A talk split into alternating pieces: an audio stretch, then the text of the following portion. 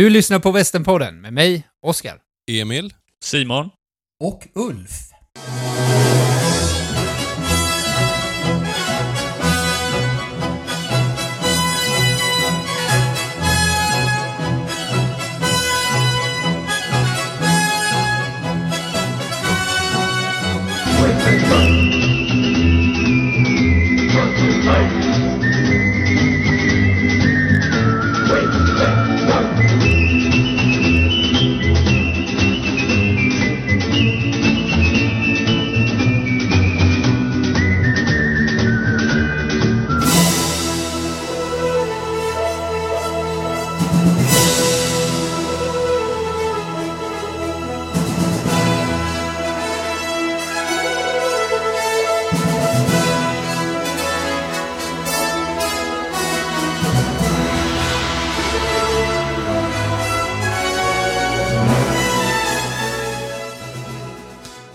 Välkomna till det 34 avsnittet av Västernpodden. Det låter ju helt sjukt egentligen när man hör det. Uh, för... Är det verkligen 34? Nej, alltså är man riktigt nördig så är det ju det 35 om man räknar med det här Kolsra-avsnittet och det bör man ju göra. Men i, så rent kronologiskt är det det 35 men det är betitlat som avsnitt 34. Du menar att det var ett avsnitt under en timme, då räknas inte det eller? Nej, precis. Då, nej, förlåt. Under två timmar, då räknas vad, det inte. Vad heter den då? 00 eller vad heter den? Special, nej, det, det, heter nog bara Jaha, special. Det heter ingenting. Okay. Ja. ja, återigen. Den här gången har vi ännu en gång vårt celebra besök av uh, Ulf Wyndham Briggs, Mr Preacher Cowboy Man, Ulf Moström. Mm. Vilket välkomnande. Någon ja. gång måste ju det här celebra besöket in, liksom ha fått... Det var inflation i det helt enkelt på något sätt. ja, ja. kanske. Jag har ju varit med några, några gånger nu så att... Jo, men du är ju ändå celeber på något sätt va? Alltså, du är ju en, äh, en kändis ändå. Vi har gampojken många... Ulf med oss kan vi säga. Ja, ja, ja, precis. Men det är ju många som kommer fram till dig nu bara Är, är inte du han den här i Västernpodden? Du har ju träffat många damer på det sättet. Ja, även på stan. Det är helt kört alltså. Jag... Ja. Snart är det livvakt som gäller. Nu är du ju celeber om inte annat. Ja, Tack precis. vare podden. Speciellt tack vare, om vi, första punkten vi ska gå in på här nu, för nu är ju västernsäsongen i full blom kan man säga, även om vi har haft mycket annat att göra, men vi har ju hunnit med en del besök. Och Bland annat så var vi ju eh, på den här stora Riverdale-träffen i juli. Frontier Days heter det va? Mm. Eh, som Jonas som har stället bjöd in till. Eh, och där hände ju en, alltså jag ska inte säga eh, e, jo, det ska jag. En episk händelse som förmodligen kommer... Eh, det är många som kommer vara... De, jag tänker de unga barnen som var där kommer säga, när de är gamla och liksom Eh, fa kanske farmor och farfar och sådär bara Jag var med den dagen då... Just det, när jag förlorade Ulf. pokerturneringen. Jaha. Ja, just det. Ja, dels det. det. Ja, okay. det är inte lika unikt nämligen, men eh, visst. ja, vi kommer till den punkten med. Men vi har ju pratat om det länge, länge Ulf, att eh, ditt skägg måste ryka ju. Jag har inte pratat om det. Det är ni som har hasslat mig med det hela tiden. Jag ni har liksom mobbat mig kan man säga. Nej. Så jag var i stort sett tvungen för att få tyst på er, var det inte så? Ja, ska du berätta hur det var för träffen innan när vi var på Riverdale? Hur var det då? Hur slutade den träffen i april? Det började väl redan förra året tror jag. På Riverdale. Och eh, när Lorvi stod och rakade där eh, så... Eh, var det är alltså per, per Fredrik Lorvi som är barberare i staden. Precis. Så var ni på mig där att jag skulle raka mig då och raka mm. bort så jag har kvar musch bara. Sen har ni liksom gjort en del Instagram eh, events och allt möjligt här för att trycka på här under ett helt år kan man säga. Så i våras då när det var eh, Riverdale-träff i, var det maj? April tror jag. April. Mm. Då var ni på mig och, och liksom nästan höll fast mig och skulle trycka ner mig i stolen. Då, sa, då lovade jag under hot då att okej, okay, inte nu, jag gör det i sommar. Försökte skjuta på det då. Men, eh, jag måste säga att eh, den här gången, jag gjorde det ju faktiskt frivilligt. Jag till och med satte mig där själv när ni var borta. Jag ville försöka göra det när ingen såg på här så att det inte skulle vara liksom en massa pranks medan han rakade mig där. jag klarade Ja, det blev mig ju- ganska bra från det. Men, Ja, helt okej. Men det var, det var ju lite som en helig stund. Det kände man ju. Det var något stort som hände. Och resultatet var ju liksom magnifikt. Det var en magnifik hur? musch som kom fram där. Ja, Eh, nej men det var ju roligt. Det var ju, jag fick en chock då när jag ställde mig i spegeln sen. Eh, jag tänkte, va? Varför, varför har de en bild på Sam Elliot för? Ja det är en, en stor eloge till eh, Per Fredrik Lorvi, Mr Moore, som eh, utförde det här också. Vi tar en applåd på det. Ja, Ja. När vi ändå är inne på den här träffen då. Eh, Oskar, du kunde ju tyvärr inte eh, närvara. Nej, men då var det ju så. Simon med familj, ni sov ju en natt. Och ni sov ju tält, även om det var på, eh, vad ska jag säga, moderna campingen eller vad man ska säga. Eh, och det gjorde ju även min fru, eh, dotter och violinisten i vårt band, Tess, som börjar hänga allt mer och mer i de här västernsvängarna. Men, Men eh, Ulf, ni sov ju också i tält.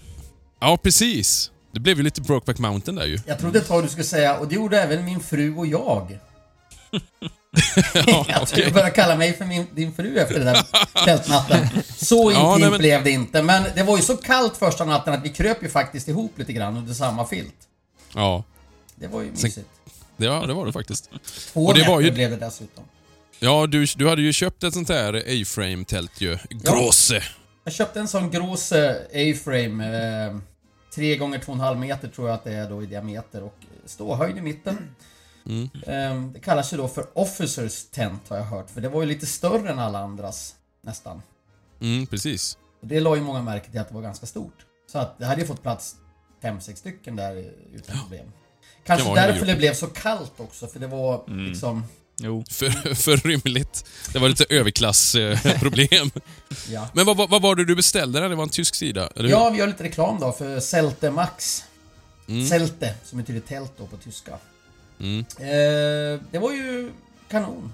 Eh, kan jag rekommendera alla som aldrig har sovit i ett sånt riktigt A-frame-tält av vit canvas. Mm. Så är det då tre stycken trästöttor kan man säga, en på vardera sida och en som ligger över, över Mm. mitten då. Så lägger man bara över tältduken där, i stort sett. Så en Mm. enkel konstruktion helt enkelt som eh, fyller sitt syfte. Mm. Men du ligger ju direkt på marken så du behöver ju ha någon filt och sådär att ligga på då. Ja, beroende på vad man väljer att göra. För vi har, om vi tar som men Andreas till exempel, det var ju flera stycken. De hade ju de, någon tältsäng eller liknande ju. Det är ju många Mm. som har. Och bara du kommer upp en bit från backen gör ju stor skillnad. Vi, Ja. vi, vi underskattade ju lite kylan kan man säga. Vi hade ju ganska tunna såna här perforerade um, liggunderlag egentligen ju. Uh, upplösbara. Vad menar du nu? Jag hade ju eh, lakan och filtar bara och... Och eh, bisonfäll. Bisonfäll. Nej men eh, vi gjorde väl en liten sån fuling. Vi eh, sydde in liggunderlag i, i lakan då. Mm, Och så hade vi i stort sett bara varsin filt. ja, Det där tänkte man ju, det är sommarnatt, det blir väl varmt och skönt. Men det blev ju... Alltså temperaturen gick ju ner, det rykte ur munnen och det var inte mer än 5 grader tror jag ute. Nej, jag hade ju is i mustaschen. Alltså snoret hade ju frusit. Ja, alltså jag förfrös det- näsan. Jag var tvungen att, ja du vet ju själv, jag var tvungen att dra över den här filten. Kröp på fosterställning, drog över filten över hela kroppen Ja. liksom och... Eh, sov, somnade väl någon gång på morgonkvisten där, eh, någon timme. Ja, vi tittade ju på varandra efter ett tag där. Vi skulle försöka härda ut. Jag hade Ja. ju knutit min... Vi hade ju bara underställ. Och jag knöt ju min skjorta runt, runt huvudet som en blöja. Och byxorna Ja, det runt fötterna. Och så tittade Ja. vi upp någon gång mitt på natten bara Är det inte lite kallt? Ja. Men andra Ja, natten det gick ju låter bra. ju helt fantastiskt. Gör det. Ja, du som älskar att bo i tält Oskar. Det Ja, här... nu blir jag verkligen sugen. Oskar, jag säger så här. Jag rakade fram muschen. Du ska bo i tält. Inne på Riverdale. Nej, det kommer jag inte göra. Jo. Men här, har du, här har du, kan ju du tänka dig att bo i tält, eller hur? Det har du sagt. Ja, här. Vi, vi, vi ko- återkommer till det snart, tänkte jag. ja yes. Men i, övrigt på Riverdale-träffen, Simon, du var ju inne på någonting där. Eh, för du och jag och Ulf, vi var ju dandys, alltså våra karaktärer lite grann, som har varit sheriffer och nu är lite, ja, Mm. oklart. Ja, det har ju lite beröringar med ämnet som kommer upp senare i programmet också då. Mm. I slutet av programmet. Det vill säga gambling under västen. Och eh, under eh, Riverdale-träffen här nu så var det ju en stor pokerturnering som man fick anmäla sig. Kostade väl en hundring per skalle. Ja. Och hur många var det nu då? Var det 10 pers eller var det mer? Nej, ja, Mer. 12. 12 12 var va? det. 12 var det kanske. Vi var ju fyra vid varje Ja, bord det var det det var tre bord. Tror jag. Var det Så bara tre bord? Ja, det var bara tre bord. Det kändes som att det var fler, men det var ju... Ja, det var ju omkring folk runt publik. omkring också där och publik och grejer ja. Mm. Ja, det var mycket publik var det. Och lite Ja. intriger runt omkring var det ju sådär också. Ja, ja, vi var, vi Sen var var det ju en del fusk på- uppenbarligen också tydligen eftersom jag åkte ut Ja, rätt exakt. fort. ja, det var ju det. Det, det var ju lite hemskt här, för jag, jag tänker att du är ganska bra på gambling ändå. Eh, Ja, just poker har väl spelat ett par gånger så. ja, det var ju five card draw liksom. Eh, och då satt ju, det blev ju slumpat så att jag och Ulf var vid ett bord med eh, stadens eh, kvacksalvare kan vi säga. Och eh, en värmlänning som är väldigt trevlig. Och du hamnade med, nu minns jag inte vilka det var riktigt, men ehm, ja. Det var ju tre bord i alla fall. Det var det tystlåta bordet i alla fall, så mycket var det. Jo, men ja, Fredrik Lorvi var, ju- var ju med dig på- till exempel. Ja, vi Ljudnivån på de olika borden. Vårt bord var ju... Ja, det Det var, det var vi som hördes kan det man är nästan säga. som man misstänker att det var lite placerat. Och då var det inte ens jag och Emil som hördes mest vid bordet. Nej, det så var det. Men eh, då var det så, då hörde man efter ett tag så här. det tog ändå ganska lång tid innan den första åkte ut, men sen hörde man bara eh, “The contest first loser” och då tänkte jag, ah, nu, jag, nu är det någon vid det bordet, så fick jag se vem det var. Och då var det ju du. Ja, det var lite pinsamt faktiskt. Du fick Ja, ju lite heder som... självbilden- Du fick ställa dig upp och applåder. Och, Ja, ja, så blev jag det utkastad. är första gången du har fått applåder tror jag för något. Nej, det var, det var Nej, men det var, det var otippat faktiskt. Eh, och sen Ja, åkte jag ut efter ett tag. Och Men Ulf, du kom ju faktiskt fyra va, tror jag i turneringen. Ja, Så det var ju bra. det var ju... Men det är ju sådär med de här turneringarna att till slut så... När det börjar, man känner att nu måste det här få ett stopp, man kan inte spela ingen som helst. Då börjar man ju satsa mer. Ja, Och då går vi gjorde ju så, för det hände ju inget Ja. på vårt bord jättelänge ju. Sen Nej. började man ju... Men eh, det, det var ju så dumt så här. Jag, jag är ju lite intrigmakare, jag tycker ju det är kul. Ehm, så jag försökte ju få en annan spelare hängd. Ehm, för man fick ju inte ha med sig vapen, ju dolda vapen. De samlade ju in det här och då var det ju en snubbe som hade svärd i sin käpp va. Ehm, men grejen var att när jag försökte få han hängd och att det var jäv med sheriffen, jag tror att han redan hade åkt ut. Nej, men, nej, var inte han långt fram? Nej, han var väl med... Han var väl han en i finalen, finalen. Jo, det var han. Nej, nej, det var väl... Var det inte Eliasson mot... Ah, skitsamma. Ja. Men i alla fall, då höll ju du på att få lite skit där, Ulf. Jag hann ju smyga ut. Jag försökte rädda dig. Och då när jag kom fram och skulle rädda dig, då, bara, då ser jag dig, då ser jag dig smyga iväg där. Jag fick ta våldsverk, våldsverkan. ja, men, det, ja, men vi klarade oss i alla fall. Det är ju det är ändå alltid något. Nej men väldigt Men- kul. Det är det som är Ja. roligt med det här. Man försöker göra de här äh, små grejerna genuina ändå. Skapa en miljö som kan vara ungefär från den här tiden. Ja. Mm. Det är lite... Man sitter där, man, har, man röker lite en cigarill och, och, och, och har lite whisky vid bordet och det snackas vitt och brett och det skojas och det, Mm. det kommer lite såna här infall från de som arrangerar ändå för att skapa stämning och det blir väldigt trevligt. Det är ju unikt. Alltså jag, jag, skulle, jag vill ändå säga det jag sagt det förut, men jag menar det måste ju vara helt unikt det som händer i Riverdale, just den liksom. Ja. Att man verkligen är... High Chaparral säger ju det, att, man, att här är du en del av äventyret. Och för barnen kanske det är så, liksom, men för vuxna är det ju här just den biten händer. Ja, men det är ju Eh. av flera anledningar. Dels är det ju så otroligt genuint stället. Va? Det är ju Ja. autentiskt och, och eh, sen alla som är där har ju hängt med i det här. De är inga så att säga, Mm. Ja. duvungar egentligen i så att säga, den här western eh, livet. Så det blir ju spontant på en gång. Ja, Men sen är det ju krav som är satta där som inte finns på Ja. andra ställen. exakt. Vilket såklart påverkar. Håller du inte med där, då får du inte vara med helt enkelt. Nej. Om du kringgår spelreglerna. Precis. Det är ju det. Mm. Och sen är det ju så med alla de här ställena. Alltså jag menar, det är ju någonstans en som basar över det. Alltså jag Mm. menar, Jonas över Riverdale, Ben över Kodiak och Jörgen och Cecilia heter hon va, tror jag. Ja, ja. Det är ju olika inriktningar på alla de ställena, så är det ju.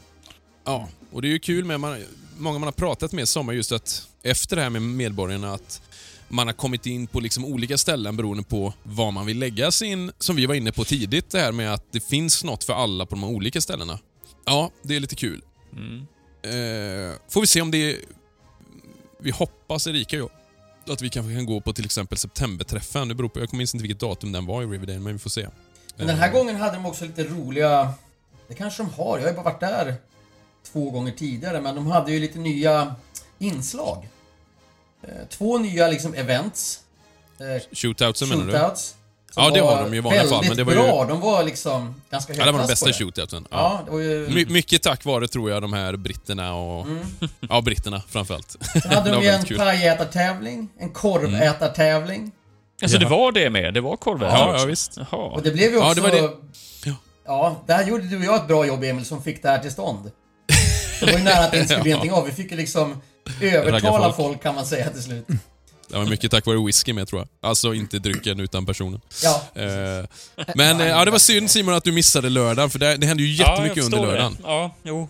Men det, som sagt, det blir nästa år igen. Men ehm, Ja, det går fler tåg. det, alla, alla tåg leder till Riverdale. Eh, vi spelade ju även med bandet ju, förutom dig Oskar då. Eh, på Lilla Salonen, alltså med Wild Rag Band. Mm. Körde vi lite grann. två, två gånger blev det. Två jam va? Ja, Och då hade jag ni... jam för att vi hade ju lite gäster med också som... ja precis. Ja, Andreas på banjo. Precis. Ja, men den här exakt. killen... eh, Nu kommer jag inte ihåg vad han hette. Lobo, Lobo ja. Och hans precis. eh, fru, och eller hans tjej. fru.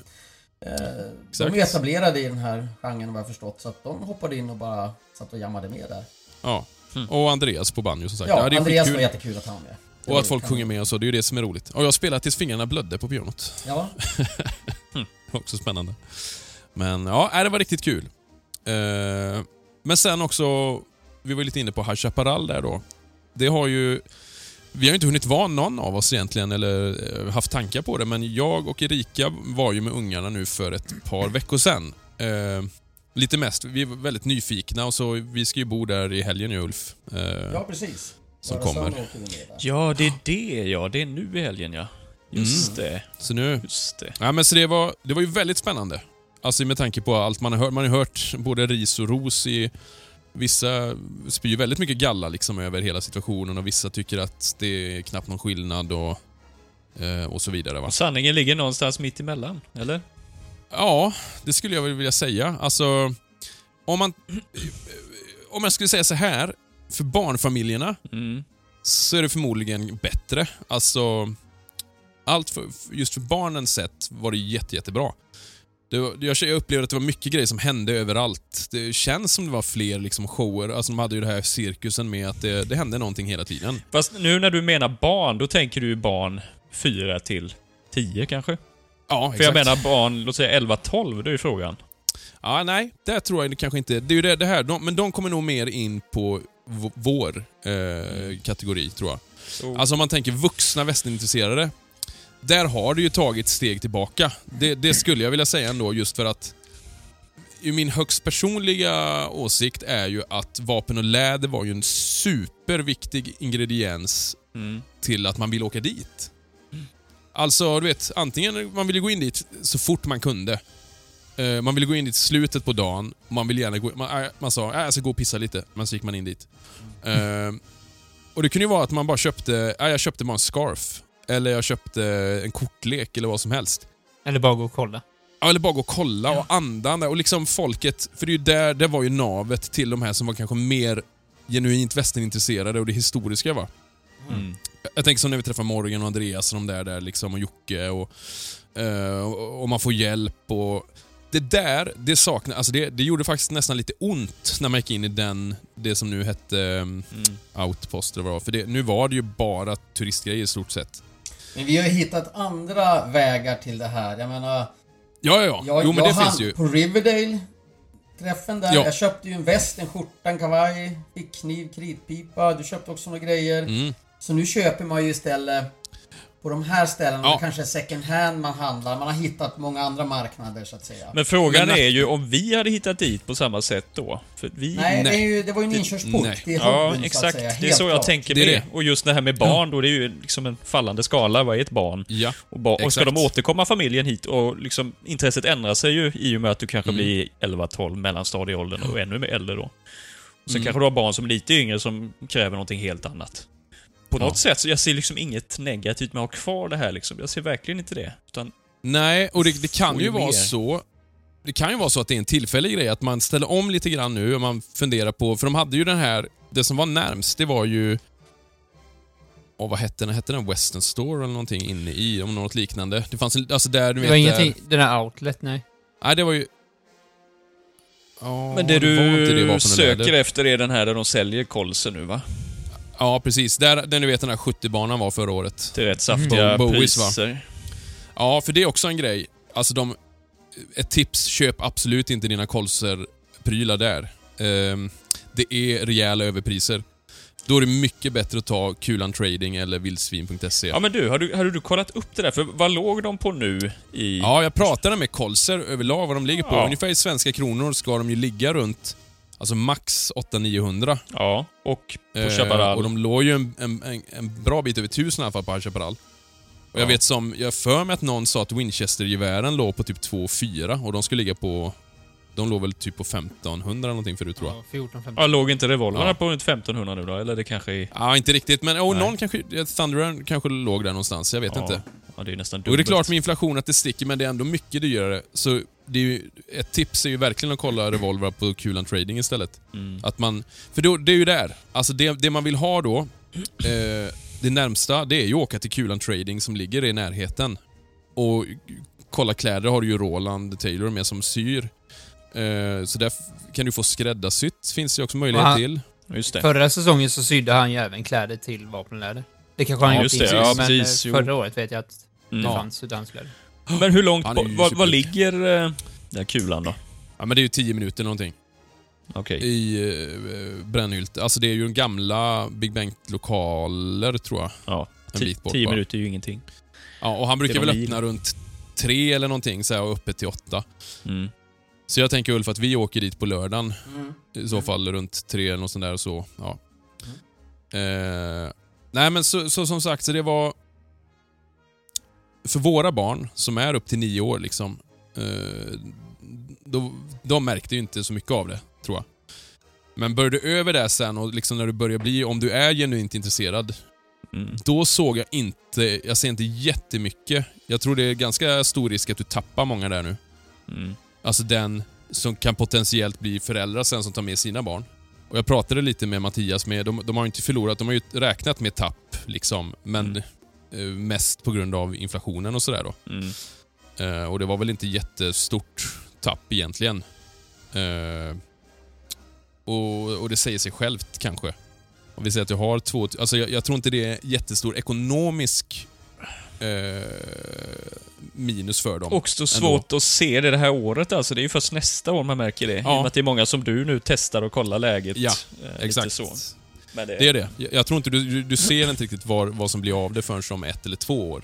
Mm. Eh, tror jag. Men... Eh, nej, alltså som sagt, gillar man showerna och allt det där, då är det ju liksom inget, men om man åker dit mycket på grund av till exempel vapen eller skomaken och det, då är det ju mycket som saknas. Så är det ju. Eh, sen, sen är det många som skriver att det är helt tomt i parken och så. Eh, och det, det stämde ju absolut inte. Det, var, alltså, det gjorde det faktiskt inte. Det var ju knökfullt. Mm. Det var ju alltså kön till tåget var ju... Jag vet inte hur länge vi stod i kö. Och eh, parkeringen var ju helt full. Och Mm. jag tror campingen var full med. Ja. Så det, det, det stämmer ju kanske inte riktigt. Nej. Eh, och även många jag pratade med där som kunde vittna om det med. Mm. Men det är klart, många är ju sura. Alltså, det, det är man ju med. Jag, eller sur. Vi, vi som sagt, vi missade ju återigen mycket av det här... Eh, vi, vi var inte med på de här eventen som var. Nej. Så den biten saknar inte vi och vi är ju inte supergänget så det saknar inte vi heller. Eh, på det sättet. Eh, men däremot just det här genuina för oss vuxna, det, det, det saknar man ju. Mm. Det du menar egentligen det är att kunna träffa många andra med, före detta medborgare då? Det Ja, eller menar? mest, mest Vad kanske det... som skulle vara... Nej men mest köpa. Alltså det är ja, det jag menar. köpandet ja, men det här med Ja. att, att eh, det var många medborgare som ändå är där, före detta medborgare då, och eh, man träffar alltid folk och man kan gå runt och prata med folk man, har, ja, man känner och sådär. Mm. Eh, jag tycker ändå ser att många skriver på Ja, du har, medborgarsidan du, att de ska dit nu och bla bla, det är Absolut. lite folk där och så. Men den delen kan ju ha gått ner. ja, det tror Och jag de absolut. som, där det är väldigt, väldigt viktigt, Mm. då klart, då kan man ju tappa dem. Och då blir det ju en snedbollseffekt. Tappar du några så Ja. tappar du fler och till slut tappar du väldigt många av dem. Men vi, vi åker ju ett större gäng, vi hyr två, tre stugor den här gången. Ja. Då är det en annan sak också. Vi skapar Ja. vår egen eh, grupp lite grann. Så, Ja, va? exakt. Det är ju det som är stora Vi klär skillnaden ju upp oss också så att... Eh, Det är ju det. Och lägger till nya folk varje gång vi åker. ja, ja precis. Det är det som Vi är... rekryterar många till hobbyn här. Det, Ja, det är inte så dumt. Eh, men på tal om Kulan Trading då, som sagt. Det är ju ett hett tips att man eh, besöker det om man eh, då är i närheten här, Chaparral. Och de har fått in, jag tror att de kanske redan är slut dock när vi sänder det här, de har ju fått in Colsters nya Navy-modeller. Den 62an eh, tror jag det var, och Confederate eller, eller om det var, jag kommer inte ihåg, men det var två modeller. En Mm. tror jag redan är slut, en finns nog bara en kvar av. Då. Eh, så jag ska kolla med Colster om de har beställt in ytterligare nya. Mm. Eh, men det är ett tips i alla fall. Ja, Hold on a minute. Wait a minute. Calm down and listen to me. Nobody's saying you can't own a gun. Nobody's even saying you can't carry a gun. All we're saying is you can't carry a gun in town.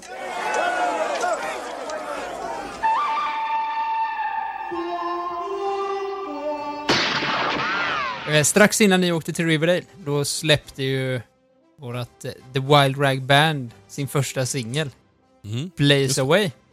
precis. Ja, Mhm. Jaha, var det så? oj du som släppte. Det var ganska bra respons på det, tycker jag.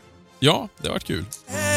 By consumption claims young part soul and soon he will be dead. Blaze away, blaze away. You're a daisy if you have. Said Dr. McClory with a thunder in his hand. You may be a coward, sir, but I'm a southern man. Eh, det är Emil som har skrivit den och den handlar ju om eh, Doc Holiday. Mm. Otippat. Mhm. Ja. Jag kommer inte ihåg när vi började spela in den. Våras någon gång. Ja, precis. Den har väl legat lite så har vi fått klart det nu. Och det är väl första i en svit kan man säga egentligen. Tanken är ju att... Alltså vi brukar ju reenacta lite de här karaktärerna ju att Oscar är Morgan och Ulf är Virgil och Simon är Wyatt. Jag, jag kör ju Doc. Så tanken är ju att Ulf ska skriva en låt om Virgil och Oscar, du ska ju göra en låt om Morgan ju. He died on a pool table. och Simon gör ju en låt om Wyatt Earp som låter så här.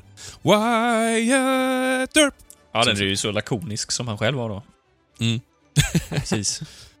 Ja, nej men det, det kommer väl... ehm, vi har ju några till låtar. Vi kommer väl börja släppa lite låtar allt eftersom här nu. Mm. Uh, är tanken. ja, vi har ju ett, ett gäng på repertoaren faktiskt. Så att... Eh, Ja, får fundera på vilken vi ska börja med. Men eh, alla är ju från den här slutet på 1800-talet. nej men ja, precis. Och, um, de flesta är ju trad, tradlåtar liksom, men vi har ju en... I nuläget har vi väl två uh, egenskrivna och sen två re, eller en reel och en jig som jag har skrivit som är kopplade till västastället eh, som vi bygger då. Silverlode Valley. Ska vi väl på sikt också göra det ännu mer autentiskt har vi väl tänkt va? Dra in ännu mer instrument från den här tiden. Mm. Eh, Vi har ju redan, det är ju sked och, och tvättbräda och Banjo. banjo. Ja. Så att, eh, men lite mer sådana spännande instrument. Ja, men ja, Dulcimer har ju du pratat om ju. Ja, jag är sugen på den. till exempel. Mm. Ja. Eh, Så får vi se vad det blir. Och vi kommer väl börja ta lite fler spelningar kanske nu, Mm. tänker jag. Så är ni sugna och vill bli av med 55 000 svart så är det bara att höra av er. Nej, men eh, ja visst. Mm. På tal om att spela. Ehm, det har ju ryktats nu ett tag om eh, Red Dead Redemption 1, att de ska remastera den. Mm. Och nu läste jag att eh, det är på gång. Mm. Eh, och det väntas att släppas, eller officiellt då, att det släpps från Rockstars head... Eh, ja, de har något stort eh, ev- event i augusti. Mhm. Där de släpper nyheter och pratar om sånt. Liksom. Ja. Eh, däremot så är det lite oklart om det är en remaster eller om det är en remake. Oj, hoppas det är en remake nästan. Ja, för då... Bara inte en vanlig sån här enkel portning de gör. Nej, för grejen, de har ju tagit bort Red Dead 1 från Xbox Store och Playstation Store. Eh, de har släppt det. Det var inte jättelänge sedan det släpptes. Nej, precis. Men nu har, nu har de tagit bort dem och det är därför folk tror att nu kommer det ju. Mm. Eh, men då ryktas det om, om en remake, att de vill sy ihop storyn bättre mellan ettan och tvåan. Okej. Men det mest Eh. intressanta tycker jag, det är ju vad de, om de lägger till en online-del till ettan också. Ja. Som på något sätt kan då vara kompatibel med online-delen i tvåan. Ja, Mexiko äntligen. Ja, precis. Det snackas ju en del om Mexiko såg jag där. Kollat lite forum också. Att man får hela kartan från ettan Ja. och tvåan ihop. så. Ja. Ja men Ja, online-delen har varit ganska död länge nu. Vi pratar över den ett år har det inte hänt något. Så att, Nej, men de har ju slutat uppdatera det ju. ja. Men Det, det var bara några så här patch Ja. grejer va? Sen får Det vi kommer se. så lite challenges varje månad ju. Men var det Ja. ettan som var lite Peckinpah 1910-tal, eller vad var det? Ja, ja. Ja, okej. De hänger ihop Och så. så- Men frågan är, det som är svårt, om de gör nu så att, att de blir kompatibla va. Då är det frågan om tidsfrågan. Det är ju ändå säkert 10-15 år emellan. Ja, men det måste det ju Spelen. vara för... eh, Vad har hänt i de här byarna och städerna? Ser det exakt lika ut? Det är ju modernare i ettan. Det är ju modernare design. Ja, och då... Du har väl, du har väl till och med bilar, eller? Ja, visst, i Mexiko, va? Ja, i vissa Automatpistol. städer va? Eller så. Ja, automatpistol, ja. Finns ju också. Så att det blir Men- lite intressant. Det kan bli jätte... Om man tänker att du har online-motorn från tvåan. Och så Mm. bara lägger du till Ja. nyhet från ettan och den som är uppdaterad då med samma motor. eh, Då kan det bli asmycket grejer som bara dyker upp helt plötsligt. ja. Åh, bil. och sen Det hade Red varit- Dead Nightmare och det där ju. Ja. Det, det hade varit coolare med en prequel till tvåan egentligen. Ja, alltså egentligen Red Dead Revolver. Ja, men eller typ 70-tal om man får vara Arthur Morgan typ. Ja, att man är honom ja, du menar så? Ja. Ja. ja. men för Red Dead Revolver, den är ju egentligen... Den hade jag ju önskat att de gör en remake på. För den är, det är ju, den är så... Det är ju väldigt klint film-story liksom. Och det är ju 70-tal. Mm. Den Ja. är ju perfekt att göra en sån av. En... eh, ja, för det... Det är multiplayer, det är inte att leka med kan jag säga. Det är inte så jävla kul. Men det är väl i stort sett exakt samma karta va? Det är... Ettan... Tvåan, Ja, Eh, ettan och tvåan. Har, har ettan slutar väl- Mexiko också eller? ettan går inte lika högt upp va? Nej, precis. Det slutar strax över... Ja, den är inte lika stor. Där. Great Pain? Nej, Strawberry va? Men har Ja. ettan några, ny, några andra ja, delar? Mexiko. Den har Mexiko. Mexiko, ja. Mm. Det, det vet ju vi, vi spelar tvåan online, man kunde gå in i någon sorts Glitchen ja. ja. glitch i Mexiko där. Det Ja. kanske var ettan ändå som låg Ja, jo men det är det. haft samma. Det- Ja. De säger ju det att det Fast de, de har, jag tror de har gjort om lite grann också. Mm. Det finns Det- många bra YouTube-klipp på det där ju. Det ryktades ju om att de skulle släppa upp det som en DLC på online ju. Ja. Men det hände ju aldrig. Men vi ska inte glömma det här att det var ju till stor del Red Dead 2 som fick oss att verkligen börja med, alltså verkligen gå in i cowboy-hobbyn på nytt. Ja. Ja, via, inte Simon kanske, men oss. Nej men oss var det det. Så att, eh, Ja. kommer det här en uppdatering då, eller en remake på ettan och de gör det bra och det blir ett nytt liv kring det här. Det är ju en inkörsport till, Mm. Ja. eh, Ja. Många till ja. hobbyn, helt klart. Absolut. Det tror jag. Just att de Ja, satsat så bra på kläder också och, och de bitarna. Ja. Nej, vi får väl se vad som sker där i närmsta månaden här. Mm, men augusti, sa du? Det ryktas om det ja. Men Jag då, har för mig att de sa att det, de hade någon sån här... All, alla stora såna här eh, entertainmentföretag har ju... Eh, en gång om året har de ju någon eh, helg typ där de går igenom nyheter och sånt. mm. Ja, Så precis. säljer in sponsorer och grejer. Men det kommer inte släppas som- någonting då förrän kanske nästa år tidigast, antar jag. Nej, precis. Eh, jag, jag tror att de kommer eh, köra GTA 6 först. Ja, och det verkar ju vara enormt. De håller Ja. på med ett nytt sånt här spel också som ska vara medeltidsbaserat. Ja, medeltids, Vikinga. Oj. Ja, nej. Det är ju synd. men däremot om det är remaster, Jag tror de kör det här före de andra för de kräver så mycket uppmärksamhet. Jag tror inte de släpper in det här mitt i den grejen. Nej. att det här kommer de släppa innan. Ja. Ja, vi får se. vi får Vi- se vad som sägs. Vi kan ju hoppas att de vågar satsa på det. Och något Mm. annat man kan satsa på är ju... Simon! Jag tänkte på Patreon, men... Ja, okej. ja. Eh, Patrons ja. Vi har ju nämnt det, förra avsnittet nämnde vi det och så har vi nämnt det på våra sociala medier. Och jag tänker så här. Det, eh, vi går live med Patreon. Däremot pris får vi väl bestämma då. Det är ju inget så här, det är ju inte så här 800 spänn i veckan. Utan det är, det är ju en... 700 spänn tror jag va? Eller vad sa vi? Ja, 700, 750. Ja. Eh, nej men eh, vi återkommer med pris där. Men sen eh, om vi når 10 stycken Patrons så släpper vi vårt första... Vad, vad kallar man det för? Inlägg? Pilotavsnitt? Nej, jag vet inte. Uh, Det är du som är experten på sånt där ju. Ja, just det. Det var Så det jag. är onödigt att fråga oss. Ja, men vår första DLC på Patreon. Mm. Men egentligen så, ja, vårt, det här typ av, alltså Västernpoddens upplägg och saker som ligger runt omkring. Egentligen passar ju väldigt bra för Patreon. Mm. Dels är det ju, jag menar, vi, våra avsnitt, eller våra säger jag som att jag, jag är med, jag är ju bara en celeber gäst. Men... eh, jag, jag, jag, jag har varit inne på det här med Patreon i lite andra sammanhang också och efterforskat lite sådär. Eh, Tittar man på längden på de här avsnitten, pratar om en och en halv upp till två timmar. Man skulle lätt kunna kondensera ner det till kanske 1.20 och sen har man resten som extra material. Mm. Eh, Ja. Så här eftersnack och grejer. ja. Mm.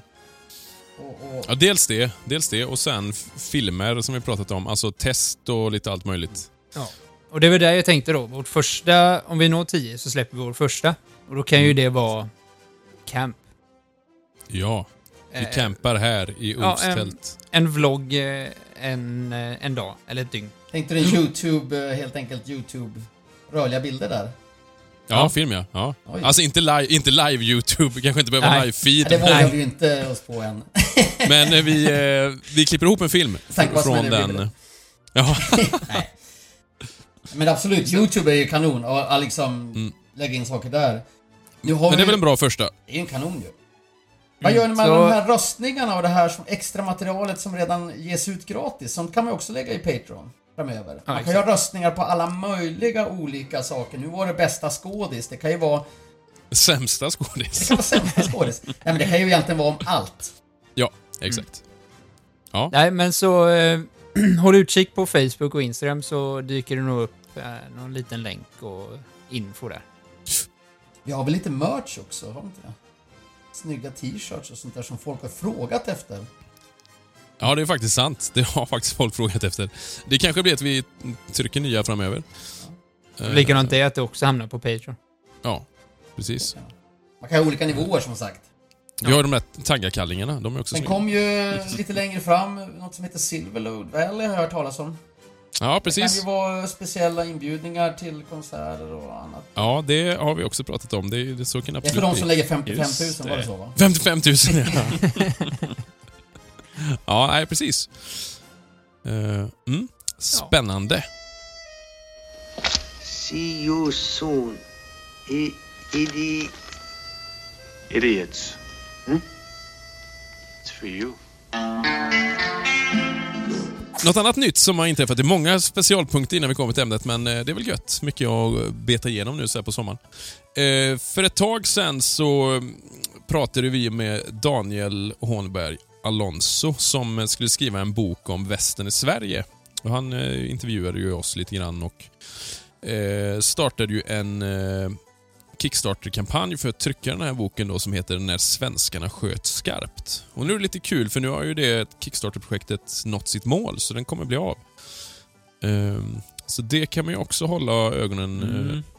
Lite pinsamt med, får man ju erkänna att ingen av oss har backat Nej, den här. det Vi det. missade det, eller glömde av kanske. Ja, fan. Jag, jag delade ju inlägget och, och skrev att folk, glöm inte backa. Så, så när nu är det klart så skulle jag gå in och kolla min mail så här. Fan, jag har inte fått något mail om att han har nått målet. Alltså, så såg jag, jag har ju inte ens... Ja, det är ju lite pinigt. Så vi, eh, Daniel, vi får backa dig eh, retroaktivt på något sätt. Vi, vi löser det. och eh, när man pratar om att skjuta skarpt, då tänker man ju ofta att det rör sig om en duell. Och Något som har varit ganska populärt ändå är ju vår duell vi har haft på Facebook kring eh, olika eh, westernfigurer, eh, kan man säga, skådisar eller ikoner. Eh, och vi är ju framme, när det här sänds så skulle jag våga gissa på att semifinal 2 kanske är avgjord. Jag vet inte, det beror på när jag är klar. Men eh, den står ju mellan Sam Elliot och eh, James Stewart. Den, den tror jag blir jäkligt jämn faktiskt. Ja, den blir nog jämn. Ja. Men på, på tal om det i alla fall, då, då kommer ju den som vinner den kommer ju stå i final mot Clint Eastwood. Och då tänkte jag att vi skulle göra en liten grej här nu. För nu ska vi göra duellen. Eh, oss fyra emellan. Och kolla Vem som Eh. är bäst på poddar. Ja, vem, vem som hade vunnit om det bara hade varit vi fyra som röstade. Då är det helt enkelt så här att jag, jag kommer säga de här... Eh, de som var i första... Eh, vad heter det? Ja, första duellerna helt enkelt. Och så slumpar vi dem som vi röstar fram, vilka de möter, så ska vi kolla var vi hamnar. Eh, f- första duellen. Och det är det ju egentligen inte bästa skådis, som vi kanske sa förut, utan det är ju vem man Nej, håller vi högst vi har som ju- favorittskådis då, eller Vi, västernkaraktär. vi har snarare. ju, ja, Vem vi har ju aldrig sagt något. Ja, Ja. vem du gillar. Det kan ju vara högst personligt att jag, äh, men jag gillar den här filmen, därför väger det tyngre, eller vad det nu kan vara. Så kan det vara. Eh, första duellen då. Då är det... Åh, just det. Vi är ju fyra stycken. Det innebär ju att det kan ju bli 2-2. Men vi ska inte ta en Då- diskussion när det blir 2-2 då? Jo, då någon kan vi göra. Så kan får man sig. övertala. Ja, precis. Ja, det är lite roligt. Ja. Första duellen då. Den här har jag ändrat mig mellan nästan varje dag. James Arness mot John Wayne. Simon, John Wayne, tveklöst. Oscar, John Wayne. Ulf. Helt tveklöst James Arness. Ja, jag säger John Wayne faktiskt. Nej, nu hoppar jag av för det var, jag hade han som vinnare på hela. Ja, det är klart. Ja. Duell 1, där blir det John Wayne. Skriver en etta på John Wayne då. Duell 2, Dean Martin mot Joel McRae. Simon, Joel McRae. Oscar, Dean Martin. Ulf, Dean Martin. Emil, Dean Martin. Äh, fy fan. Så där vinner Dean Martin. Endast Två. för att jag bara sett Så jävla ohistoriskt. Usch. Dean Martin. Trean, eh, då är det Tom Selleck mot Sam Elliott. Ulf, Ja, det här är ju svår. Sam, Sam Elliot får jag säga. Simon, Alltså, jag grämer mig lite över att jag knappt har sett någon Tom Selleck-film, så här får jag göra som de andra som röstar bort de gamlingarna som inte har sett någon film med dem. Att jag får rösta på den jag har sett film med. Och det blir ju Sam Elliot tyvärr. Mm. Kanske tyvärr. Oscar. Oscar. Ja, den är svår. Sam Elliot. Ja. För mig står de nästan lika, men jag gillar fler filmer med Tom Selleck. Faktiskt. Även om jag tycker Sam Elliott är riktigt... Så jag hade röstat på Tom Selleck. Jag kan tänka mig att jag Sam hade Elliott gjort om jag hade sett fler filmer, men tyvärr så brister jag lite där. Ja, så Sam Elliott på trean. Fyran, uff, den här är svår alltså. Gregory Peck mot Kurt Russell. Och då börjar jag, och då säger jag så här att faktum är att Kurt Russell, den westernfilmen jag tycker är, br- är riktigt bra som han är med i, det är ju Tombstone, men det är absolut inte tack vare honom egentligen. Eh, det är ju inte hans, för jag tänker ju inte honom som Wyatt Earp så mycket. Eh, Gregory Peck däremot, han är som en Clint Eastwood fast med bredare eh, spektra. Eh, Så jag röstar på Gregory Peck. Okej, Ulf, Ja, Gregory Peck. Simon, Gregory Peck. Oscar. Nej, Kurt Russell. Jag har inte sett någon med Gregory Peck. Jo, How the West Was Won. Ja. Ja, då Kurt Russell. Alla dagar. Ja, med Gregory Peck på fyran då.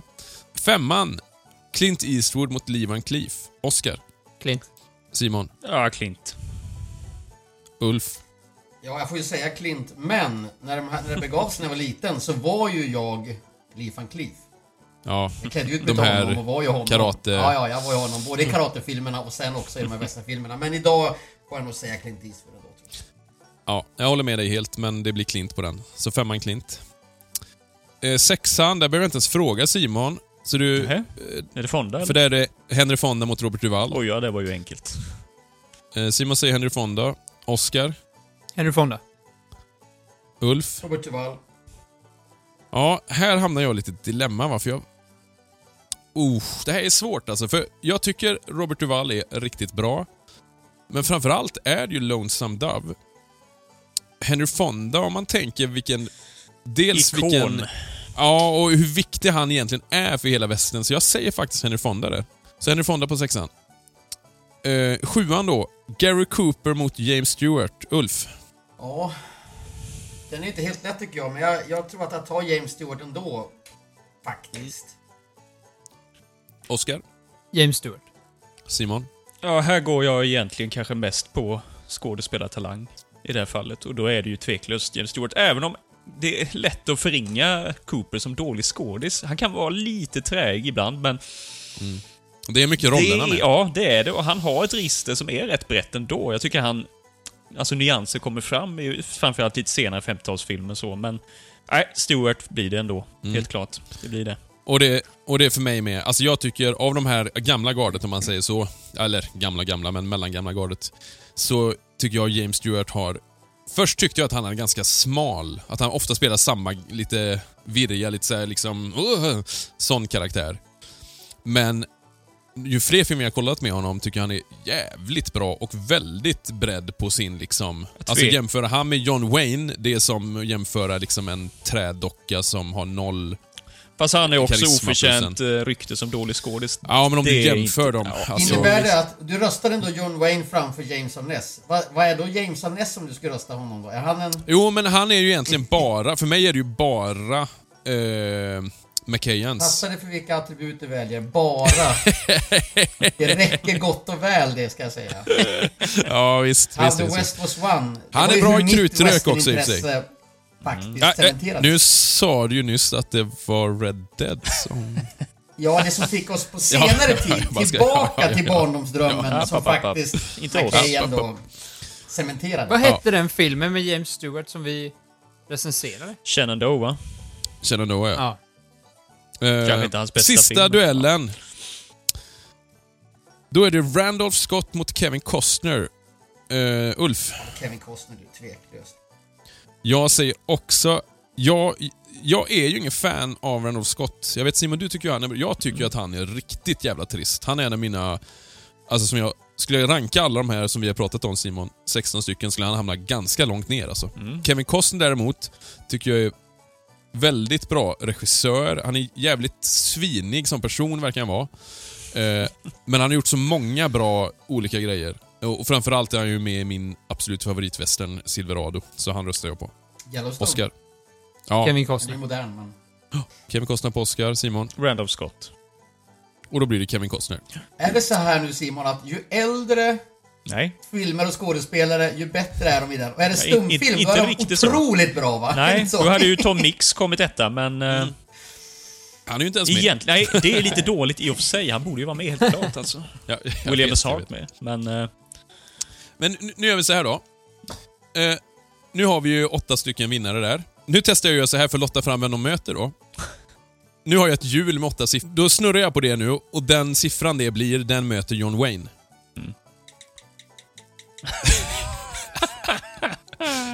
eh, trean möter John Wayne. Sam Elliot. Ja. Eh, tvåan då, Dean Martin, möter således...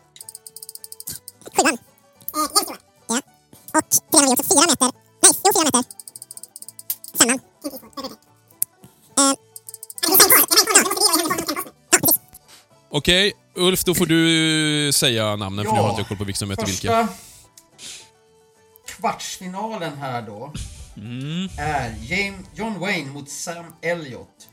Och eh, då ställer jag frågan till Oscar. John Wayne. Emil? Oh, nu måste jag tänka lite. Nej, nej, det blir John Wayne ändå. Ja, Simon, behöver jag fråga dig? Nej, det behöver du inte. Nej, John Wayne. Ska jag vara den som också går emot strömmen här och säga vad jag... Sam Elliot? Nej, men jag kan gå med strömmen här och säga John Wayne. Det är, de är så olika som skådespelare och det är svårt att egentligen välja, men jag tar John Wayne också. Men jag, Han är så ikonisk, det är det som är, det är svårt att komma ifrån det. Ja, det, är, det är på det jag går alltså. Det finns mycket bra filmer. Men han som skådis mot Sam Elliot som skådis, då är han kanske lite mer åt Sam Elliot. Men filmerna, John Wayne. På det stora hela, ja precis. Mm. Nästa då är Dean Martin mot James Stewart. Det är en ganska bra... De är lite Ja, de- sam, samtida, så att det finns vissa likheter också. Det Var inte det den kampen i... eh, Nej. Var det inte det? Eller ja, det Jo, det var det nog. Det tror jag det var. Det blev nog så delvis. Ja, skitsamma. Ja, kan det ha varit. Ja. Är det Oscar igen då? Oscar igen. James Stewart. Ska jag gå in och bara försöka bryta här då, bara för att vara... Jag skulle ha sagt James Stewart också om inte jag gick in och tittade på lite Dean Martin-filmer i samband med den här. Och då säger jag Dean Martin. Jag säger Han, Stewart. han, han höjdes många pinnhål i min... I min eh, Mm, ja, han är bra. här. Absolut. Bra filmer, men eh, Stewart håller jag högre faktiskt. ja, då kommer vi till ett knepigt läge för jag säger solklart Dean Martin. Ja, då är frågan här nu hur vi... Hur vi ska diskutera, ja. Mm, någon måste ändra Ja. sig då. Ja, hur, ni... Övertala mig och Ulf att James Stewart ska vinna. Alltså, jag har ju bara sett... Jag har inte sett någon med Dean Martin, tror jag inte. Jo, du har ju sett Rio Bravo, du har sett Katie Elder. Ja, Det är du ju ser, Dean Martin. Så, du ser, så mycket betyder han för de filmerna. Jag kommer inte ens ihåg att han var med. Nej, men Ja, men alltså... det är nog bara namnet. Han är ju med i, och framförallt en jävligt bra film. Det får man ju säga. Och, eller kanske två egentligen som är rätt bra filmer. Framförallt. Alltså Sons of Katie Elder och Rio Bravo. Ja, framförallt Rio Bravo, men... Eh, eh, det är ju hans styrka. Alltså, han är ju inte en västernikon utöver de rollerna så mycket för mig, i så sätt. Men han har ju en... eh, Ja, nu går jag in och argumenterar från, Mm. Ja, från nej, andra men- sidan. Men jag tänker bara, han har ju inget. faktiskt en karaktärsdrag som han utklassar alla de här andra på. Och det är ju den här charmen och sången. Han sjunger ju mycket. Ja. Det är lite så här, en del av de här filmerna är ju rena rama westernmusikaler. Det Där är ju styrkan Där i Martin den. skapar hela magin. Och de är riktigt bra. Jag var faktiskt förvånad. Alltså, jag satt ju och diggade med. Speciellt nu när vi spelar i Wild Rag Band. Oscar, då borde du också kolla lite fler Dean Martin-filmer här. Fast är det fler såna filmer där han gör det, förutom Rio Bravo? Ja? Partners till exempel. Eh, vad heter den Han har gjort jättemånga sådana. Shootout. Ja, något sånt med shootout. Sen finns det Partners till exempel. Men med tanke på att du, Oscar, inte har sett knappt någon film. Då är frågan Jo, men jag hade visst räknas. Jag hade visst sett en del. Två i alla fall. Fast det är ju samma, hur många Joel McRae-filmer har du sett, Ulf, till exempel? Ja, jag har sett några, tror jag. Men Vil- han är vilka då? ju intetsägande. Säkert. Ja, men... ehm, Jag tror du får ge dig här, Oscar. Nej. Nej, den är Jag fick ge mig på. James Arness. Då tycker jag att jag ska ha chansen. Ja, Jag Nej. funderar liksom om jag har, liksom, kan jag med gott samvete ändra det här? Och jag tror inte jag han, kan det eh, alltså. ja, hur gör vi då? Frågan är om du kan det, Emil? Nej, jag... Alltså, Rio Bravo är ju min näst favoritfilm nästan. Då får det nästan bli eh, sl- singla jag- slant alltså. Men eh, jag, kan offra mig och gå över då. För jag tycker Är det så?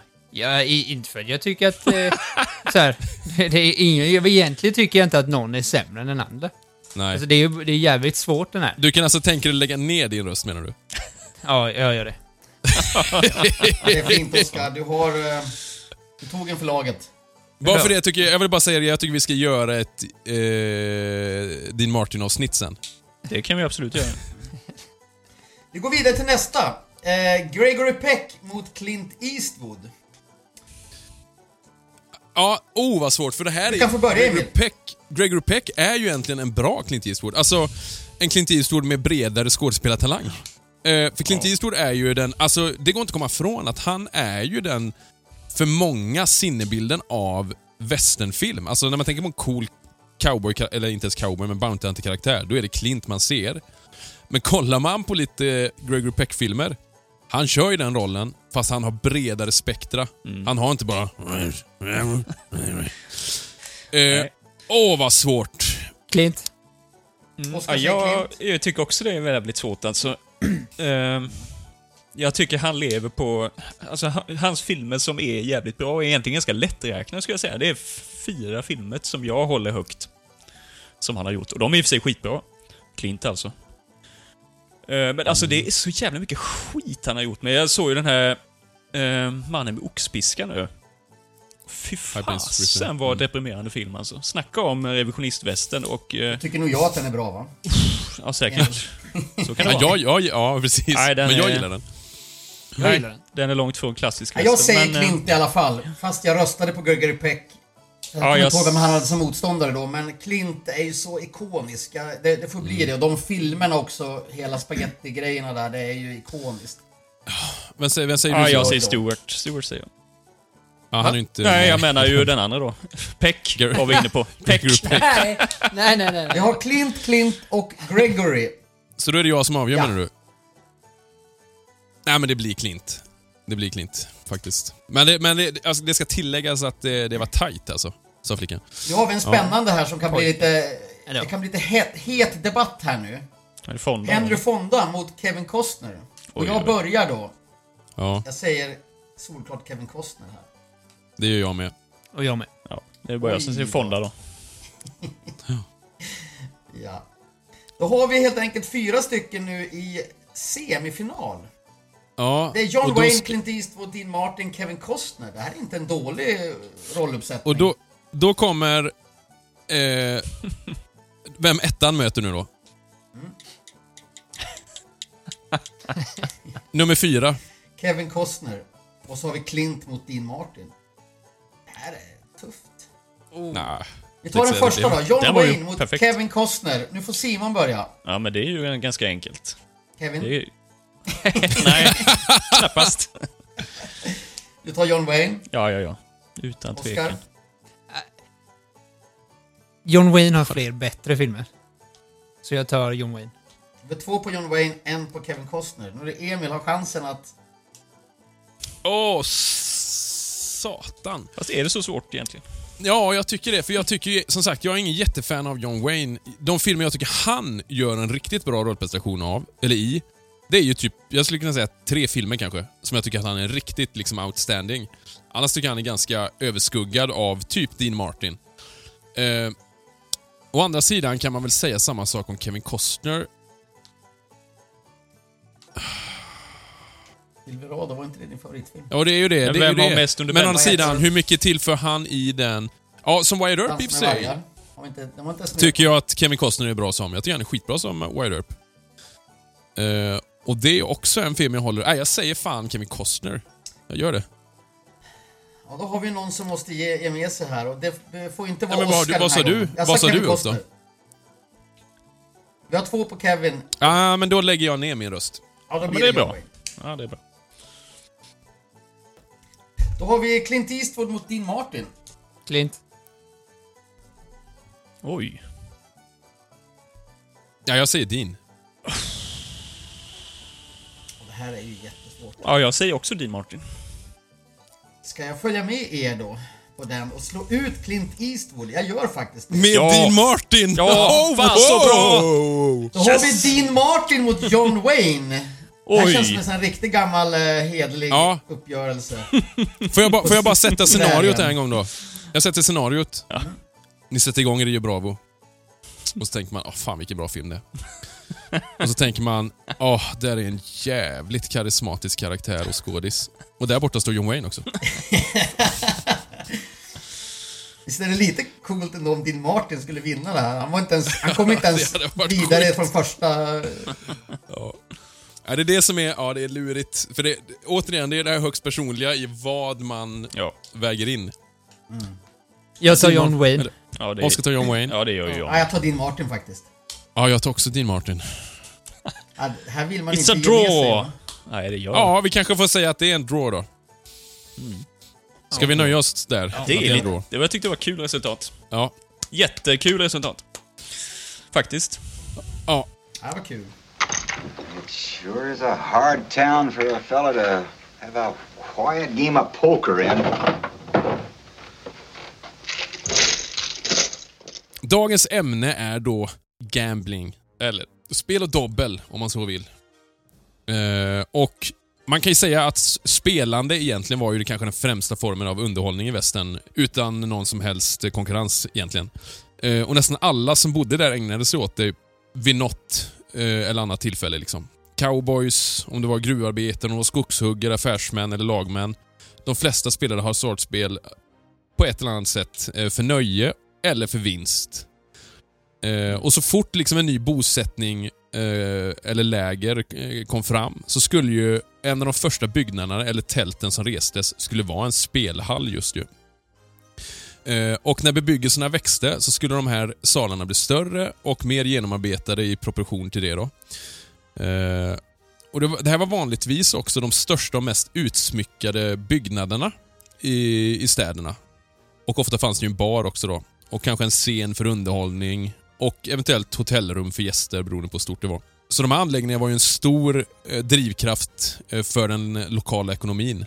Och många städer mätte faktiskt till och med sitt välstånd genom antalet spelhallar och professionella spelare de hade. Om man tänker, eh, var växte eh, de här gamblinghallarna upp som mest? Eller eh, vad var gambling som störst? Men- om man tänker vilka städer? Du tänker på boomtowns nu generellt sett? Ja, Ja. precis. Ja, jag råkar veta, eller jag tror jag vet. Jag tror att Ja. det här har väl att göra, alltså när det kom till USA, hela spelandet. Det kom ju egentligen från Europa. Mm. Eh, och eh, det är ju som allt annat egentligen. Så Ja, och Kina också. Ja, men från början kommer det väl från Asien Ja. och Kina. Men sen är det Ja. Europa som utvecklar Precis. nästan allting som kommer till USA sen. Ja.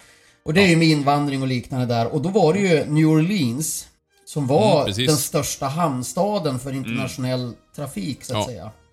Ja. Det var en, absolut. Och sen genom Cattle Trailsen. Alltså om vi tänker Deadwood eller Dodge City Ja, till exempel. va? alltså... Värt att Och påpeka, järnvägsanknytningar. ja, värt att påpeka att spel var ju stort överallt. Jag menar, det är Ja. ju bara till på Sverige. Alla spelade kort. Alltså, Ja, ja visst. överallt spelade man ju spel på 1800-talet. Så är det bara. Absolut. Men en rolig grej där som, som historiebiten där med New Orleans. Mm. Eh, hur spred sig det? Du, du nämnde Cattle Trail, det var ju en spridningsväg va? När järnvägen kom så Mm. Ja. spreds det ju med järnväg så att säga då. Men vet ni hur det spreds från New Orleans? Mm. Båtarna. Ja, med Riverboat. Det var ju jättestort med Riverboat Gambling. Precis. Och som Ja, jag har förstått så handlar det också om att eh, det var, jag vet inte om det här är riktigt rätt, men jag... Eh, det var ju mycket så att säga mer eller mindre förbud kring spel. Mm. Och just på floderna så var det lite sådär laglöst land. Då var det kaptenen Ja. som bestämde. Så därför Exakt. frodas ju gamblingen under så lång tid via de här Riverboat-grejerna då. Mm. Mm. Och då spreds det upp det- mot Virginia bland annat som blev ett stort säte som jag har förstått också. Mm. Men det här är ju Ja, framförallt 30-talet var det väl stort sådär, tror jag. Ja, och, och, och precis. Och sen var det, det var runt eh, inbördeskriget. Det var väl där någonstans det började... Alltså annars var det väl flodstäder. Alltså där båten gick i land. Där var det liksom centra. Men sen blev det ju mer då, i och med att man började... ehm, under 30-40-talet tror jag att man började liksom se ner på de som höll på med gambling. Men sen efter inbördeskriget, då började det ju bli det här alltså professionella gamblers, att det blev ehm, nästan en status statuspryl liksom. Mm. De här som var lite Ja. väldressade och... Ja, det talas ju lite om det. här. Det har ju vi haft diskussioner om innan, det här med liksom, fanns det gamblers? Liksom? Och sen alla spelade, liksom, tandläkare spelade, gruvarbetare Mm. spelade, men det är ju skillnad på dem som, jag menar, ta Doc som ett exempel. Jag menar, han var tandläkare, men sen, han var ju ingen tandläkare sen. Vad gjorde han Nej, då? nej, han var ju professionell spelare. Precis. Ja, så att, att det inte fanns, det är ju inte riktigt sant så sett. Ja, men jag tror, men du, har du inte ändrat lite? Alltså det vi pratade om förut, det var väl mer gamblerkläder? Ja, det kanske i och för sig så Jag sett. tror det var men mer det. Att, man, att det är den diskussionen som brukar... För jag menar, prof- professionella spelare står det ju hur mycket som helst om egentligen. Mm. Jo, jo. Luke Short till exempel.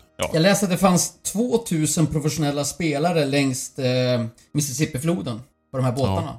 Mm. Alltså jag, jag läste här också att... Eh, Typ i mitten på de- 1800-talet. Mm. Ja, och då, det var väl där det blev som störst innan man började med förbud och sånt också. Ja, Det var ju så guldruschen under Ja. Kaliforniens guldrush 48-55 där. Då Exakt. spred sig det till väst. Ja. Då var ju San Francisco. San Francisco, ja. Ja. Och sen Kalifornien va, och sen längs boskapsrutterna. Mm.